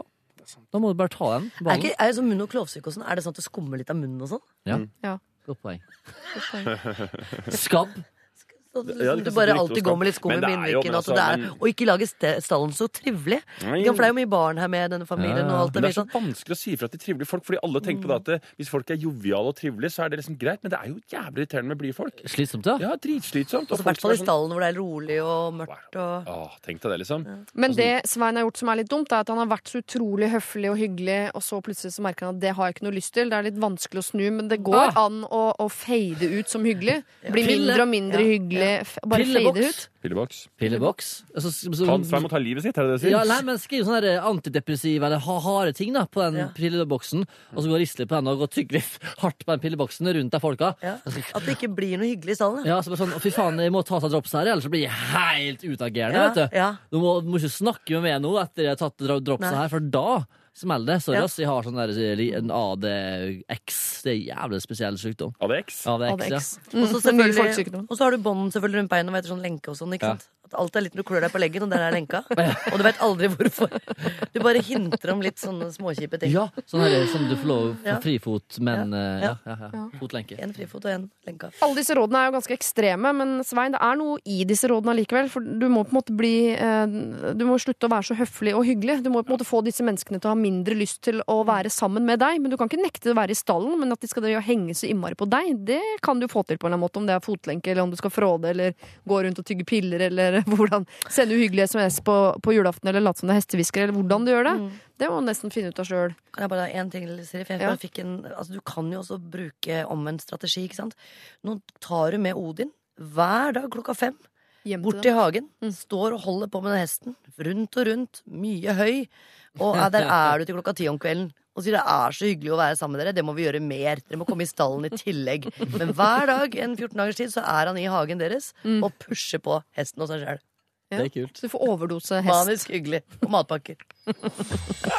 Dette er Lørdagsrådet På P3. P3. Kave sammen med Onkel P.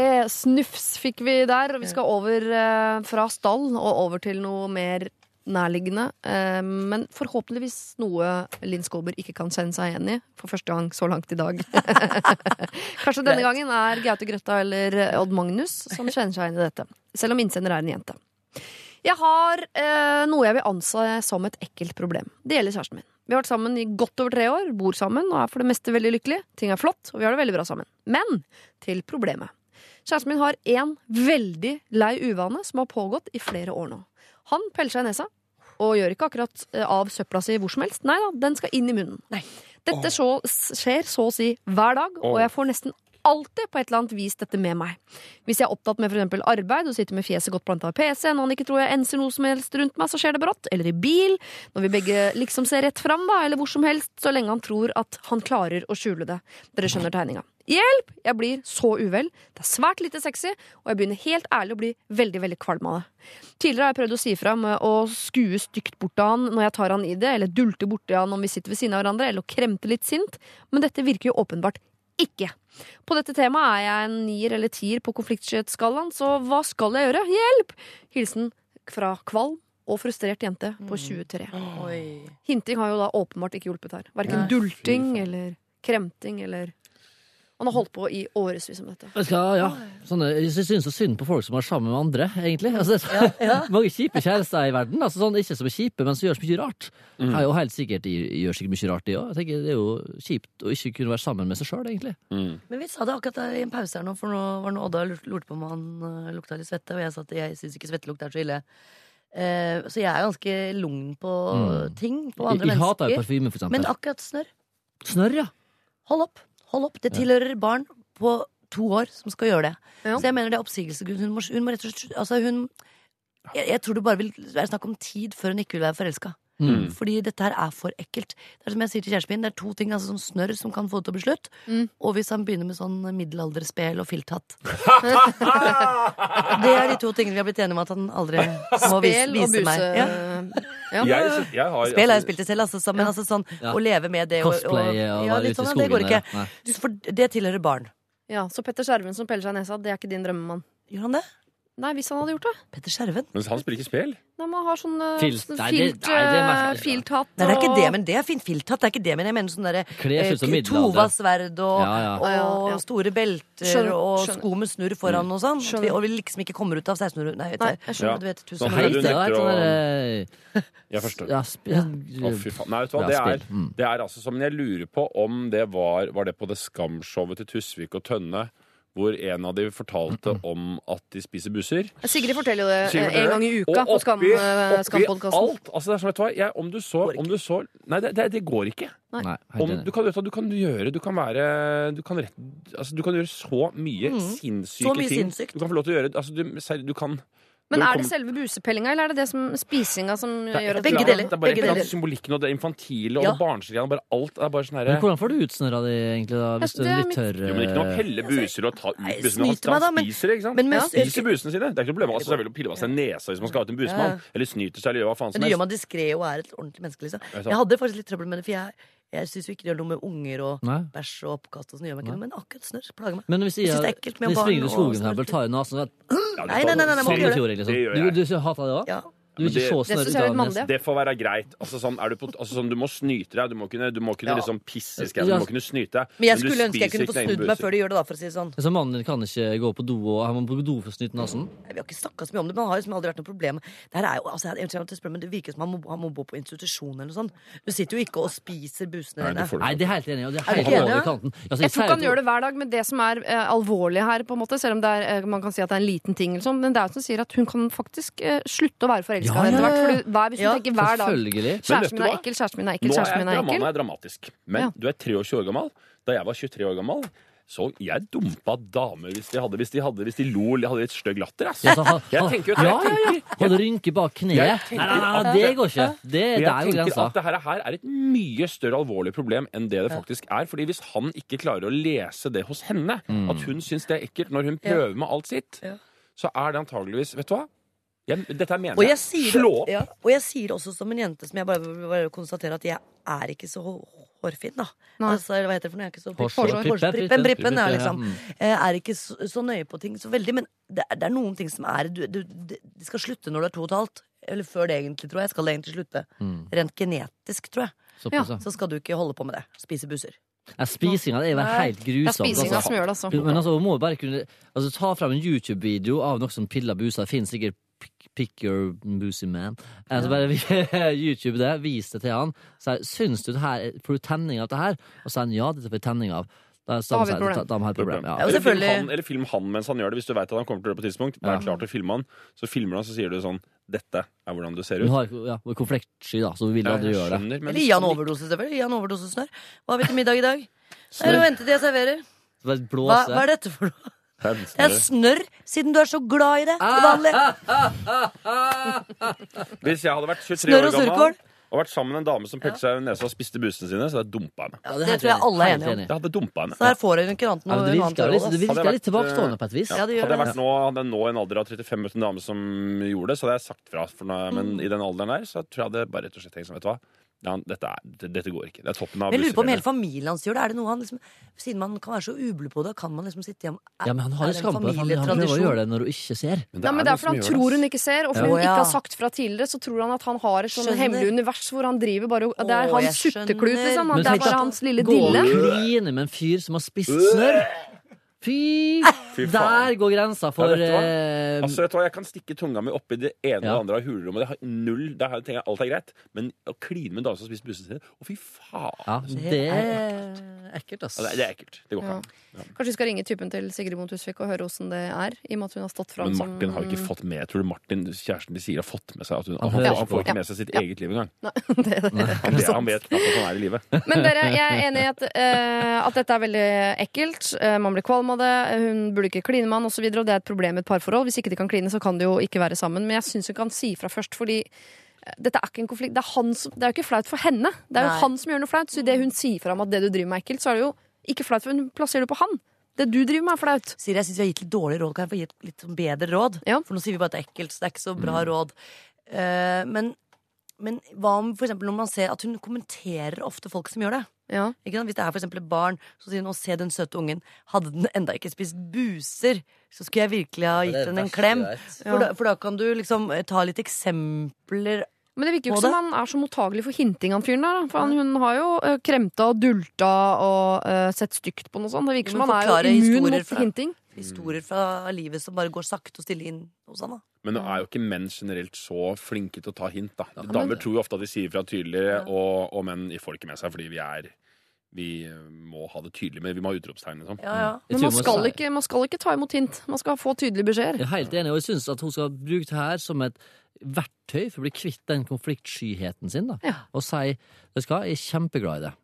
Har det kjempefint sammen, men det er én ting altså Det er sikkert mange ting du reagerer på med òg, men det er én ting jeg reagerer på med det, og det må man bare få snakke om, og det er spising av busa. Det funka så dårlig for meg. Mm. Skal jeg gå til psykolog og bli tilvendt at de ikke liker det, eller skal du slutte med det? Og hvis kjæresten deres en dag kommer til dere og sier at en ting du driver med, er turn off for meg, jeg orker faktisk ikke å tenke på å ligge med deg engang, når du driver med dette, så slutter du med det ganske slutter du kjapt. altså. Du gjør det, altså. Ja, det. Ja. Hvis, du, hvis, du spiser, hvis du spiser navloen din, hvis du liksom holder på med sånne ting som er fucka, så er det Ikke gjør det. I hvert fall hvis det er en jevn mann. Men vet du hva? Nok en gang, altså. Eh, det kan hende det er på kanten, men fuck it. Drikk deg opp og ja. konfronter. Drikk deg neste gang dere er fulle. Drikk enda mer. Nei, ja, drikk deg full og skriv tekstmelding. Men mener du? Altså, vi har dette fantastiske verktøyet som heter eh, alkohol der ute. Ja. Antageligvis, Hvis ikke de er av oss, så skal de ikke gjøre det. Men jeg skjønner ikke hvorfor ikke folk drikker mer og tar det opp i fylla, for da er bordet fanget. Og da, da, Er tekstmelding viktig, eller? er det- har ikke noe å si. Det er bare, da må de deale med det dagen etterpå. Liksom. Ja, Ja. ja. Og det Jeg har er så mange respekt for fulle folk. vet du. Jeg hater fulle folk. Verst. Ja. Kanskje det er han, det er så morsomt at han, han fyren hennes ikke har respekt for hun når hun drikker. Ja. Altså.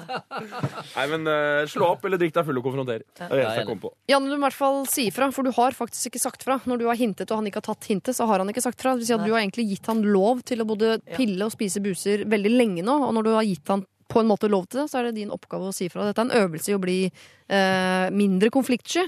Lykke til. Hei!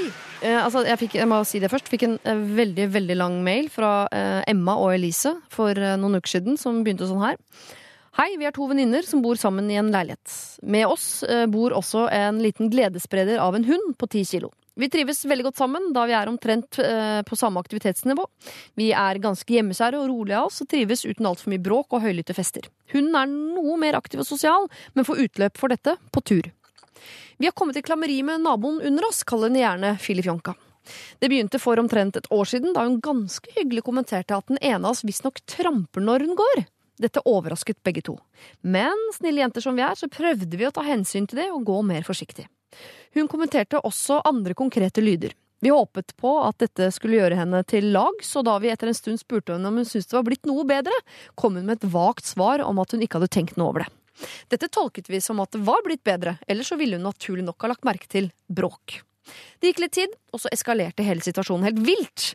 En dag Emma var på vei ut med hunden, smalt Filifjonka opp døra, skjelte henne huden full. Hun var rasende og kjefta over at ikke vi tok hensyn, og at Elise trampet rundt oppe i eh, leiligheten osv.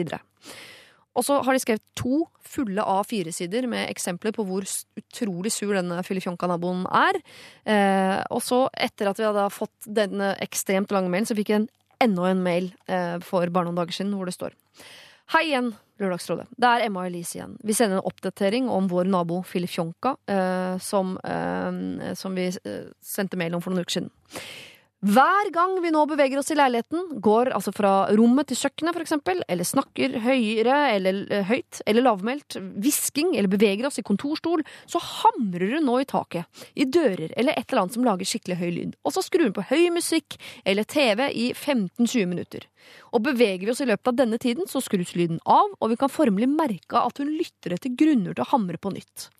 Det plager oss ikke så mye å høre henne der nede, men det plager oss veldig når vi vet at hun gjør det utelukkende for å plage oss. Stressnivået vårt når nye høyder når vi når nå eksamenstider, og samtidig er livredd for å plage henne mer enn nødvendig. Hadde vi ikke vært så stressa over situasjonen, hadde vi ropt følgende setning, men dessverre ser vi oss nødt til å hviske den. Please, hjelp oss. Med vennlig hilsen Emma og Elise. Hva gjør man med en nabo som overhodet ikke har konfliktsky? Naboen har altså klikka i vinkel over at de liksom bråker, noe de ikke engang gjør. Jeg er så glad Først, ja, Unnskyld. Nei, jeg skal si en ting. Jeg er så glad for at jeg bor på landet. Og det er den som dette handler om mitt svar, skjønner du. Flytt For, på landet. eh, Nei, fordi det handler om akkurat det. Emma og Elise. Elise. Elise. Mm. Hvis du på et eller annet tidspunkt lurer på om du går hardt i gulvet, så gjør du det. Oh, ja. Så det gjør de.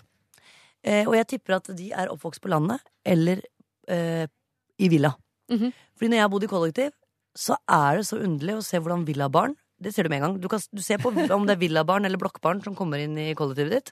For de går på en helt annen måte. Herland. De går som om, om de ikke eh, forholder seg til andre mennesker med hælene. De tror ikke de bråker, de tror ikke de snakker høyt. Eh, de vasker ikke trappa, tar ikke ut loa og vaskemaskinen i blokka. Og litt sånne småting som vi blokkunger må lære dem, da.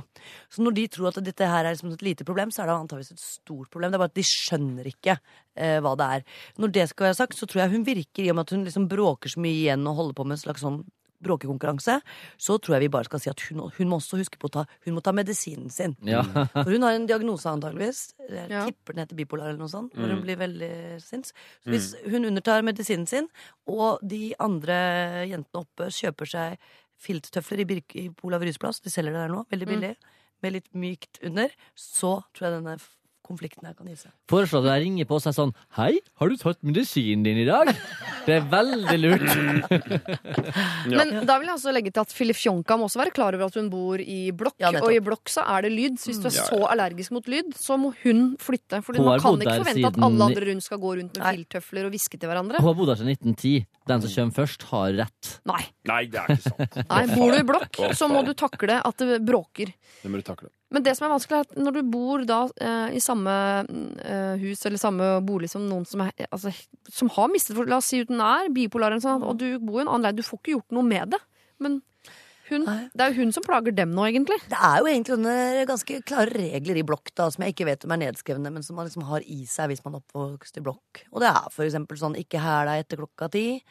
Eh, Det er å passe på den vasketiden du skal. Eh, litt sånn, Nå er det mulig mine regler henger igjen fra 70-tallet, men da var det i hvert fall sånn ikke ringe etter klokka da. Det var Ja. jo sånn det var, da. Men det er jo litt annerledes nå med fast ikke fasttelefon lenger. Men det, jeg. husker jeg bodde jo i leilighet i Trondheim en gang, og Mm. der var det jo sånn der eh, soverom mot soverom. Oh, ja. Så jeg hørte veldig godt når naboen hadde seg. Å ja. Men jeg syntes det var jævlig vittig, da. Vi visste aldri helt hvordan naboen så ut. Nei. Så det var sånn der, hvordan ser hun ut nå, hun nye dama? Ja. Så må vi ta litt på positive greier nå. Det er det. det, er det. Og så kan man jo si sånn her, å lage et fellesskap og arrangere en fest og sånt, men det tror jeg bare er bortkasta. Dette må bortkastet løses. Men Nei, altså, jeg, jeg tror rett og slett dere, at vi må tenke at Emma og Elise faktisk ikke gjør noe feil. De, Mm. de oppfører seg helt normalt i en helt vanlig leilighet. Ja. Under dem bor det en ganske gæren dame. Gæren. Og hvordan, eh, hvordan skal man som normale mennesker oppdra en gæren gammel dame til å eller få henne til å forstå at det vi gjør, er normalt, og du må roe deg ned litt. grann. Vi skal snakke mer om dette. Bon Iver og Frances and the Light. Dette her er eh, Friends.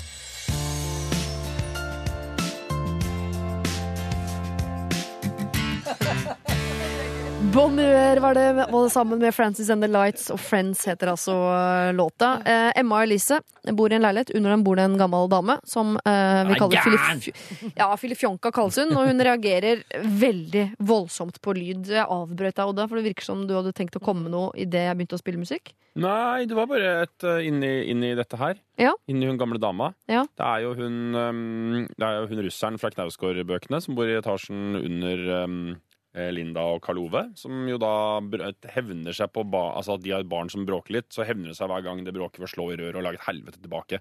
Og så har det blitt en besettelse for henne. Altså, det er nok antageligvis en diagnose som heter eh, borderline eller bipolar eller noe sånt noe oppi dette her. Ja. Og det er vanskelig å deale med.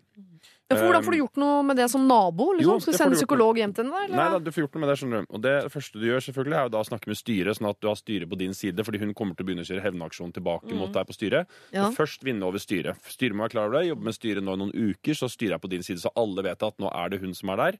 Allier dere med styret, først og fremst, altså. Nå skal dere snakke først. Ring styreformann med en gang, så dere får de på deres side. Um, og så er det det aller beste for å nå fram til eh, egentlig alle mulige mennesker, det er å gå via foreldre eller barn. Ja. Um, sånn som hvis det har vært eh, Hvis eh, jeg har vært oppe i situasjoner med mennesker som har vært påtrengende eh, og sånt noe. Det har ikke vært så mye av det, har vært noen ganger. Kontakte alltid foreldre. Funker alltid. Uansett. Uansett hvor gamle de er. Uansett hvor gamle Ja, ja, voks, voksne mennesker. sånt nå, er det bråk, så kontakter jeg helst foreldre. Ja. Fordi alle, om du er 40 eller 50 eller 60 Så hører du på mora di, liksom. Ja, ja, du hører på mora. Det var Så vi, de må finne ut om Herregud, så bra foreldrene tips. hennes lever. Hvis ikke foreldrene hennes lever, de er antageligvis borte, så må dere finne ut av barn og sånt nå Ja. eh, rundt.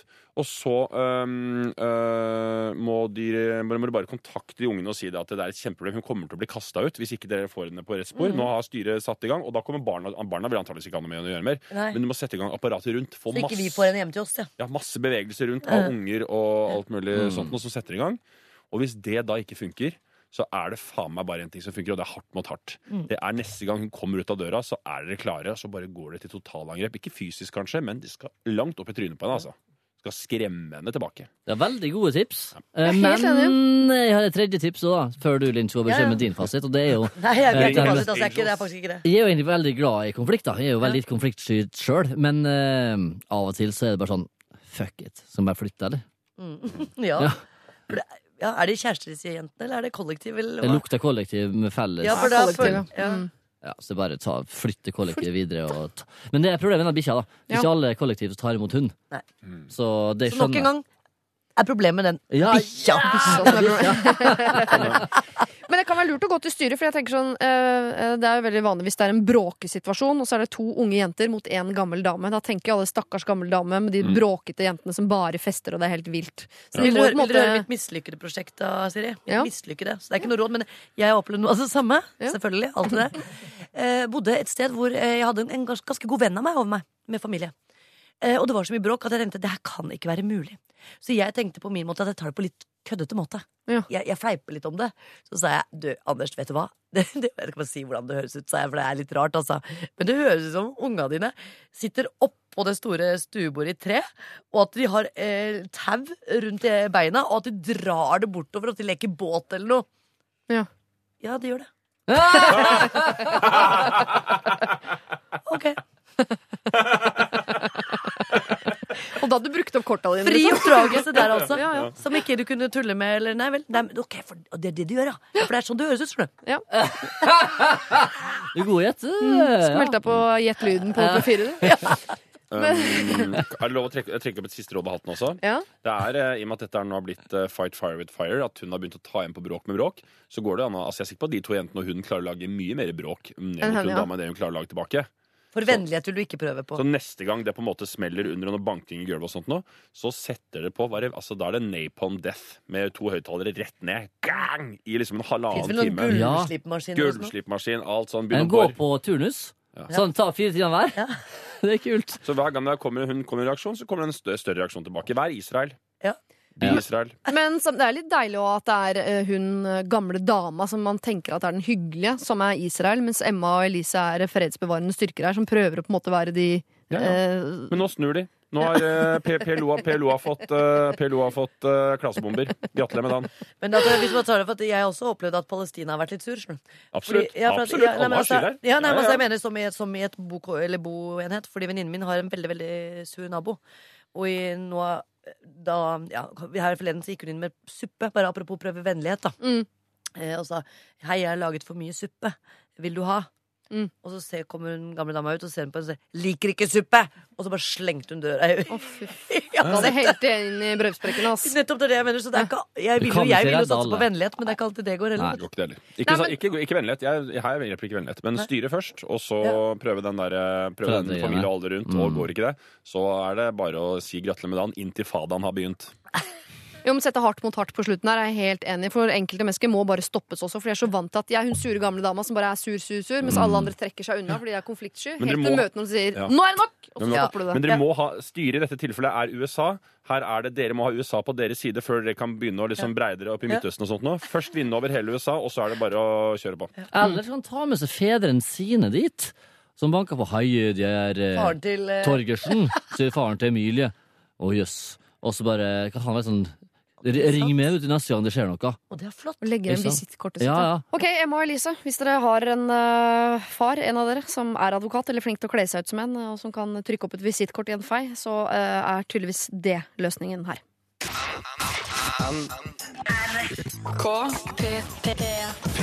P3. Veronica Maggio med Mandagsbarn hørte vi der, og vi skal til et problem hvor jeg er nødt til å uh, be en av rådgiverne om å være referent eller sitte i sekretariatet.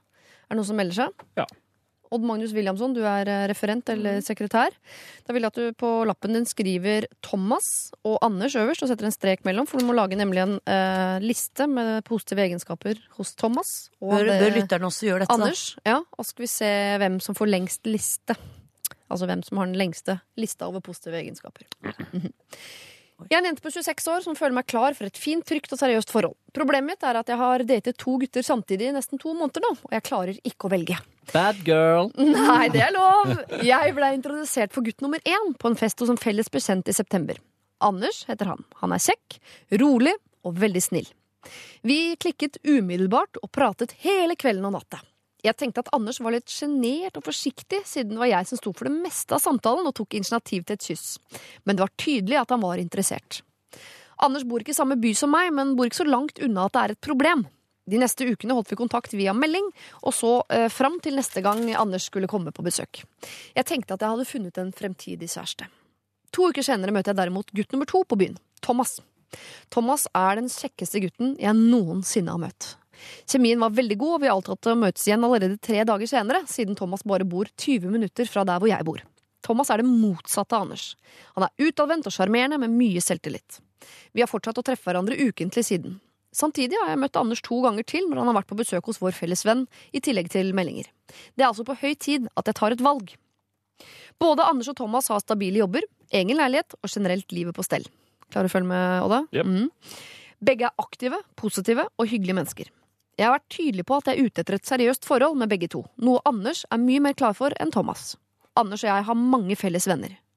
Samtidig er det ingen tvil om at jeg er mye mer betatt av Thomas. Han får meg til å le høyt, han er smart og reflektert, han har sterke meninger, og den fysiske tiltrekningen oss imellom kan ikke sammenlignes med noen ting jeg har opplevd tidligere.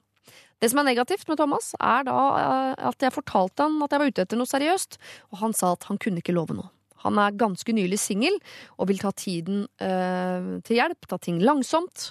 Og når vi treffes, er det alltid hjemme hos en av oss på kveldstid. Vi har ikke møtt noen av vennene til hverandre.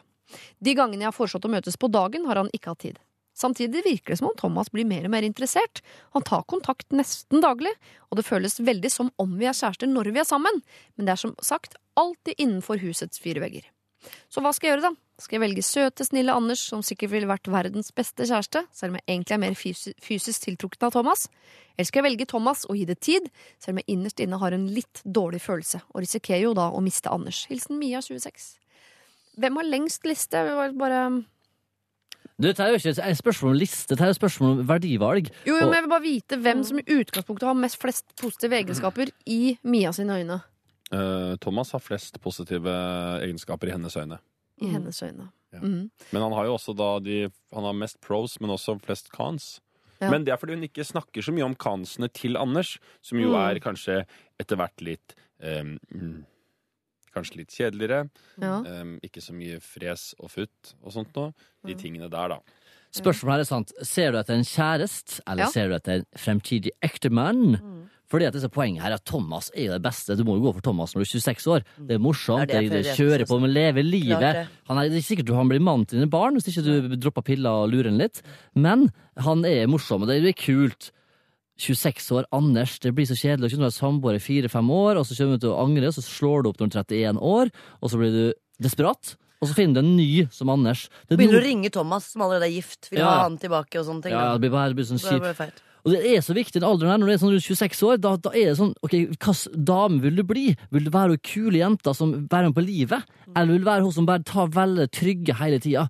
Så hvis hun velger trygge Anders, så kommer du til å velge den trygge jobben, så kommer du til å velge de trygge vennene, så kommer du til å velge det gråe livet, da. Men går det for Thomas, som helt sikkert sikkert er utro allerede, men det gjør ingenting, for han er så kul ellers, da får han så får jeg desto større nedturer, men da kalles det et mer sånn levd liv som er eh, du kan fortelle om, sånn som Linn Skåbe kan gjøre. da, Sitte her da om 20 år og fortelle. Sånn var det. Ja.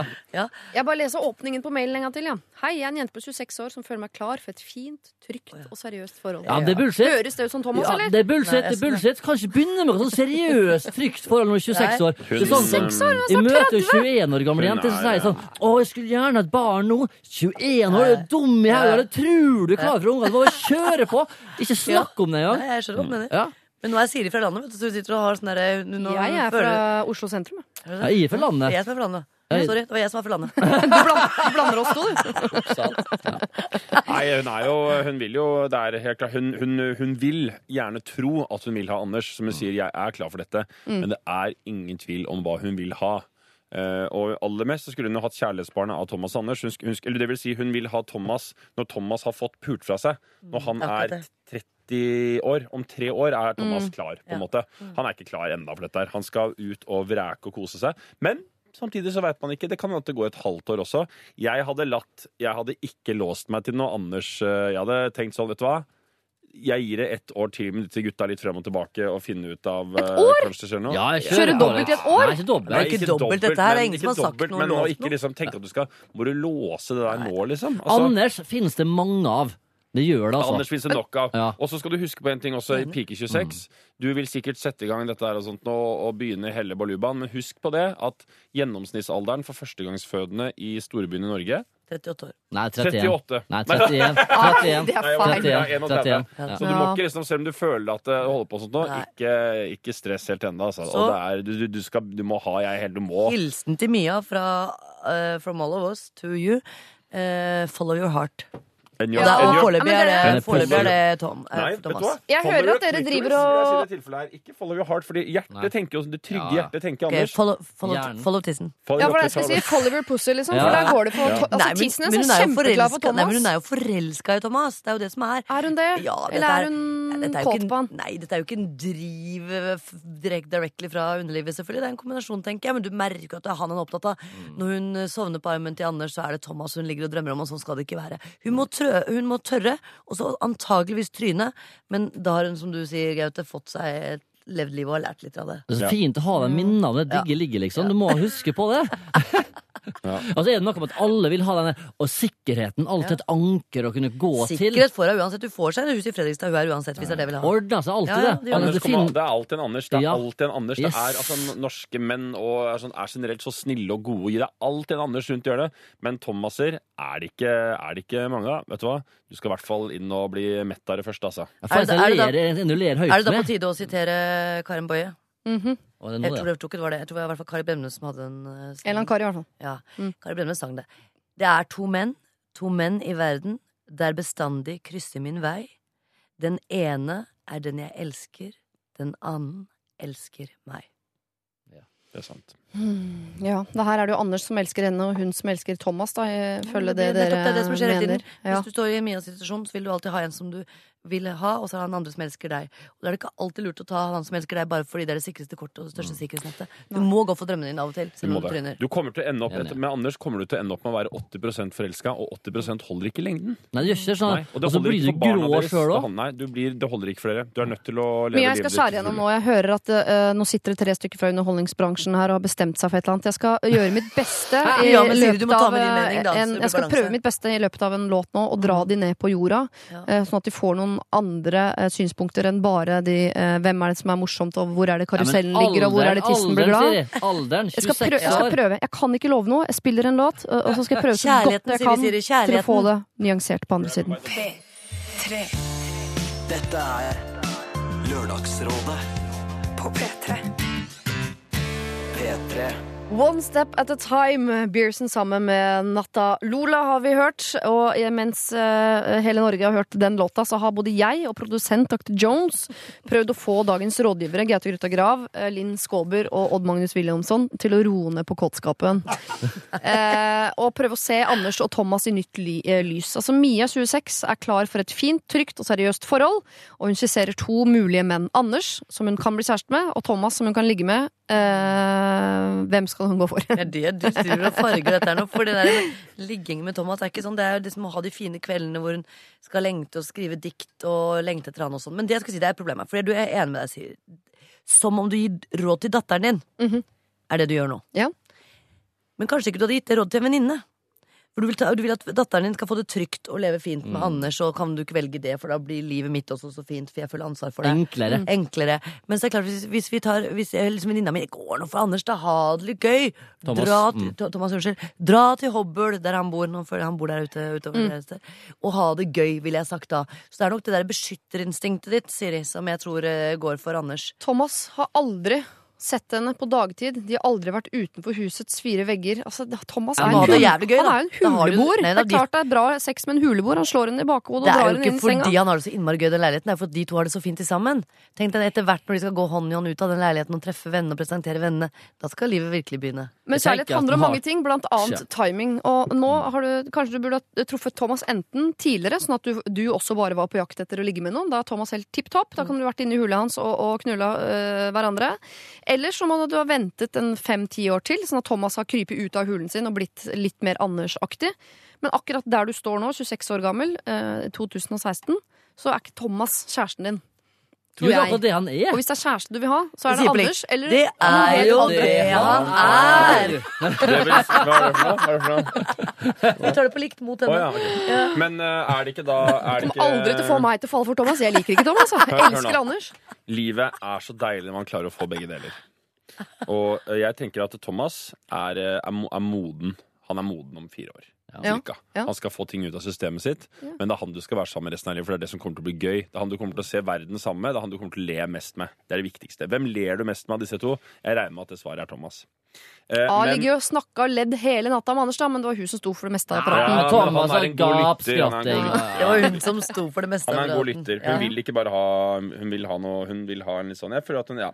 Men altså, det går jo an at hun nå satser på Anders, men er klar over det at det kommer ikke til å vare for alltid. At det Andersforholdet er to år. To og et halvt Hvorfor skal hun gidde det? Liksom? Nei, det Nei, er Hvis hun bare trenger litt trygghet og stabilitet og ro og sånt noen Nei, men år, sant, liksom. det, det, det er så skummelt å begynne med på den greiene der, for du blir litt avhengig av den du er sammen med. Det er sant, det, men jeg, det jeg mener med at det er sånn, hvis hun er innstilt på at nå skal du være sammen med han i to år, og så skal du bli sammen med Thomas om to og et halvt Jeg mener omvendt. Jeg mener, jeg mener så omvendt. Jeg mener, jeg- mener så omvendt fordi hun vil også bli lei av Thomas etter hvert som du sier, Siri. Kan hende det. At hun tenker at han er ikke noe, han er gud så grusom han egentlig var. Og han kunne ikke gå ut i dagslyst fordi han var så jævlig. Kanskje han var vampyr? ikke- Ja, sikkert alt er gærent. Og så blir hun lei av det. Og så tenker hun hm, minnes noen fine samtaler en natt med jeg som het Anders. Ikke? Og nå, er, siden jeg er 31 år, år. på statistikken på føding i Oslo, Ja. så skal jeg møte Anders Ja. igjen. Og det er det som skjer. Hvis du da ikke eh, sånn, du, du må rase fra Ja, deg, er eller ende opp som sånn der, desperat 47-åring. Ja, ja, ja, Jeg må leve livet! Men om fire år, dere, Hvem av disse to, Thomas eller Anders, hvem er det som er opptatt? Hvem er som- hvor er det toget har gått om fire år? Altså, Anders er jo selvfølgelig tatt, Fordi Ja. det er alltid noen sånn livredde damer der som deg, Siri. Ja, der som har toget gått. som- Toget har gått. Ja, Thomas det har grabba jo nede på nærmeste Som har sportsbar grabba. og, og drikker øl og kaster dart med de andre gutta Ja, fortsatt. med men skinnjakka på. Anders sitter og er stum fremdeles og går i terapi. Ja. Og bor på brygga si nede ved fordi han har farskomplekser og klarer Ja. ikke å prate om det. Det er samme, Mia er morsom nok for, For to. det kommer opp når han er 35, skjønner du, for det så ikke hun komme. Men eh, nei, gå for Thomas. Kjør på. Det er ikke noe å lure på. Gå og kjør på. Våg å leve. Eh, husk å leve mens du gjør det, og elske mens du tør det. Ja, det er Som, akkurat eh, som. Rinnan sa. Som Kari Bremnes sa. Du får det i fjeset som er Men du, du kan si mye om Rinnan, det altså, akkurat det sa han Ja. faktisk. Du får det i fjeset, som det kona til Quisling sa. Mia 26, jeg prøvde virkelig. Jeg kjempet hardt for Anders. Ja, det var det, Eh, men det, var Gi det selv Manus sa også. Jeg prøvde alt. Jeg kjempet virkelig hardt. Sett opp en liten test. Eh, se om eh, Bare tenk sånn. Hvis du er sammen med Anders og Thomas ringer på døra, går du fra Anders og motsatt. Og, eh, hvis du går fra Anders hvis Thomas ringer på, ja, så er det Thomas du skal være sammen med. Men hvis du er sammen med Anders og Thomas ringer på, og du ikke går fra han, ja, så er det Anders du skal Og være hvis sammen med. Thomas kommer inn mens Anders er der, så gjør det ikke noe, for Anders går jo i ett med tapeten uansett. Dette er Dette er P3. Og det som gjenstår nå for eh, dagens rådgivere, er å dele ut en kopp til en av de som har eh, hatt problemet sitt altså her i dag. Skal vi se, Jeg skal gå gjennom fra toppen. Eh, vi begynte med Marie, som trengte 10 000 kroner. Eh, det kunne hun låne av broren sin, men det var narkopenger. Eh, skulle hun ta imot. Og så hadde vi Andrine som lurte på hvor hun skulle være på julaften. Det var liksom min familie, din familie, nå har vi fellesfamilie. Og vi sendte vel de til Geilo, så vidt jeg kan huske. På en nøytral grunn. Det var en kjempejulaften der. Eh, Så var det Jovialen, da, som dere ikke syntes var så jovial allikevel. du er helt lurte på om kunne flytte inn under eksen sin. Dere dømte han nord og ned og ba han pakke sakene sine og flytte et helt annet sted. Så hadde vi Schwein, som eh, hadde problemer i hestemiljøet. Likte ikke de nye folka i stallen. Eh, hva gikk vi for der, da? Gått helt i surr for meg. Eh, Jeg tror vi gikk for hestehvisking. Det var At hesten liker det Det ikke. er i hvert fall det du gikk for, så vidt jeg kan huske. Det var noe piller og greier, ja. og så var det Janne, da, som har en kjæreste som peller seg i nøsa og spiser det han finner. Eh, der også gikk vi vel mer eller mindre for brudd, men sier fra først da, og se om mm. han kan skjerpe seg. Emma og Elisa har en uh, gammel dame under seg i blokka som er gæren. Hun klikker helt, bare de oppfører seg helt normalt. Der var det via styret, involver familie, og til syvende og sist så må det eksplodere i fjeset hennes. Så er det Mia, da, eh, som lurer på om hun skal gå for trygge og søte Anders eller denne sexy Thomas. Dere gikk for Thomas. Jeg gikk så innmari for Anders. Men hvem får kopp? Der skal ikke jeg mene noe som helst. Og hvis jeg gjør det, så er det sannsynligvis det motsatte av dere. Jeg tenker, jeg tenker at uh, hun der uh, narkobaronen kan få en kopp. Kan Ja. gå rundt og tigge penger i stedet for å få penger. Oi, det var bra. Gjorde du det? Nei, jeg tok linja di! Ja, white power, da. Dere er litt det like, eh, dere to. hvite annen. mediemenn, helt enig. Ja, jeg jeg tenkte en annen. Eh, men det er to med den, så det går jo til narkis- narkisfamilien. Men eh, jeg tenkte, hva med hun der med snørra? Fordi hun kan sitte eh, med den koppen, mm. og så kommer kjæresten til å spørre eh, hvorfor har du fått den. Vi må sende den fort, da. Ja. Eh, jo, fordi du, eh, du var, eller jeg har vært vunnet i et radioprogram. Mm. yes, hva handla du det om? Nei, du kan føre på opptaket og gjette hvem, hvem du er. Har du problem med en hest, tror du? Har du problem med narkotika? Eller har du problem med snørr? Eller skal du si Jeg har fått en kopp her som du kan putte snørra di i. Ja, nettopp. Det kan vi Mm, skal lage snørresmoothie til jul. Ja. Søren, altså. Linn har rett. Linn har rett. Er? Ja, det er fordi den blir, da får koppen en større oppgave enn bare å være en kopp. Ja. Enn å være en tiggekopp. Den Ja. får en, det er et springbrett for den samtalen som hun trenger å ta. Mm.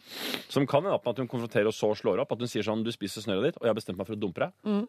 Derfor har den koppen.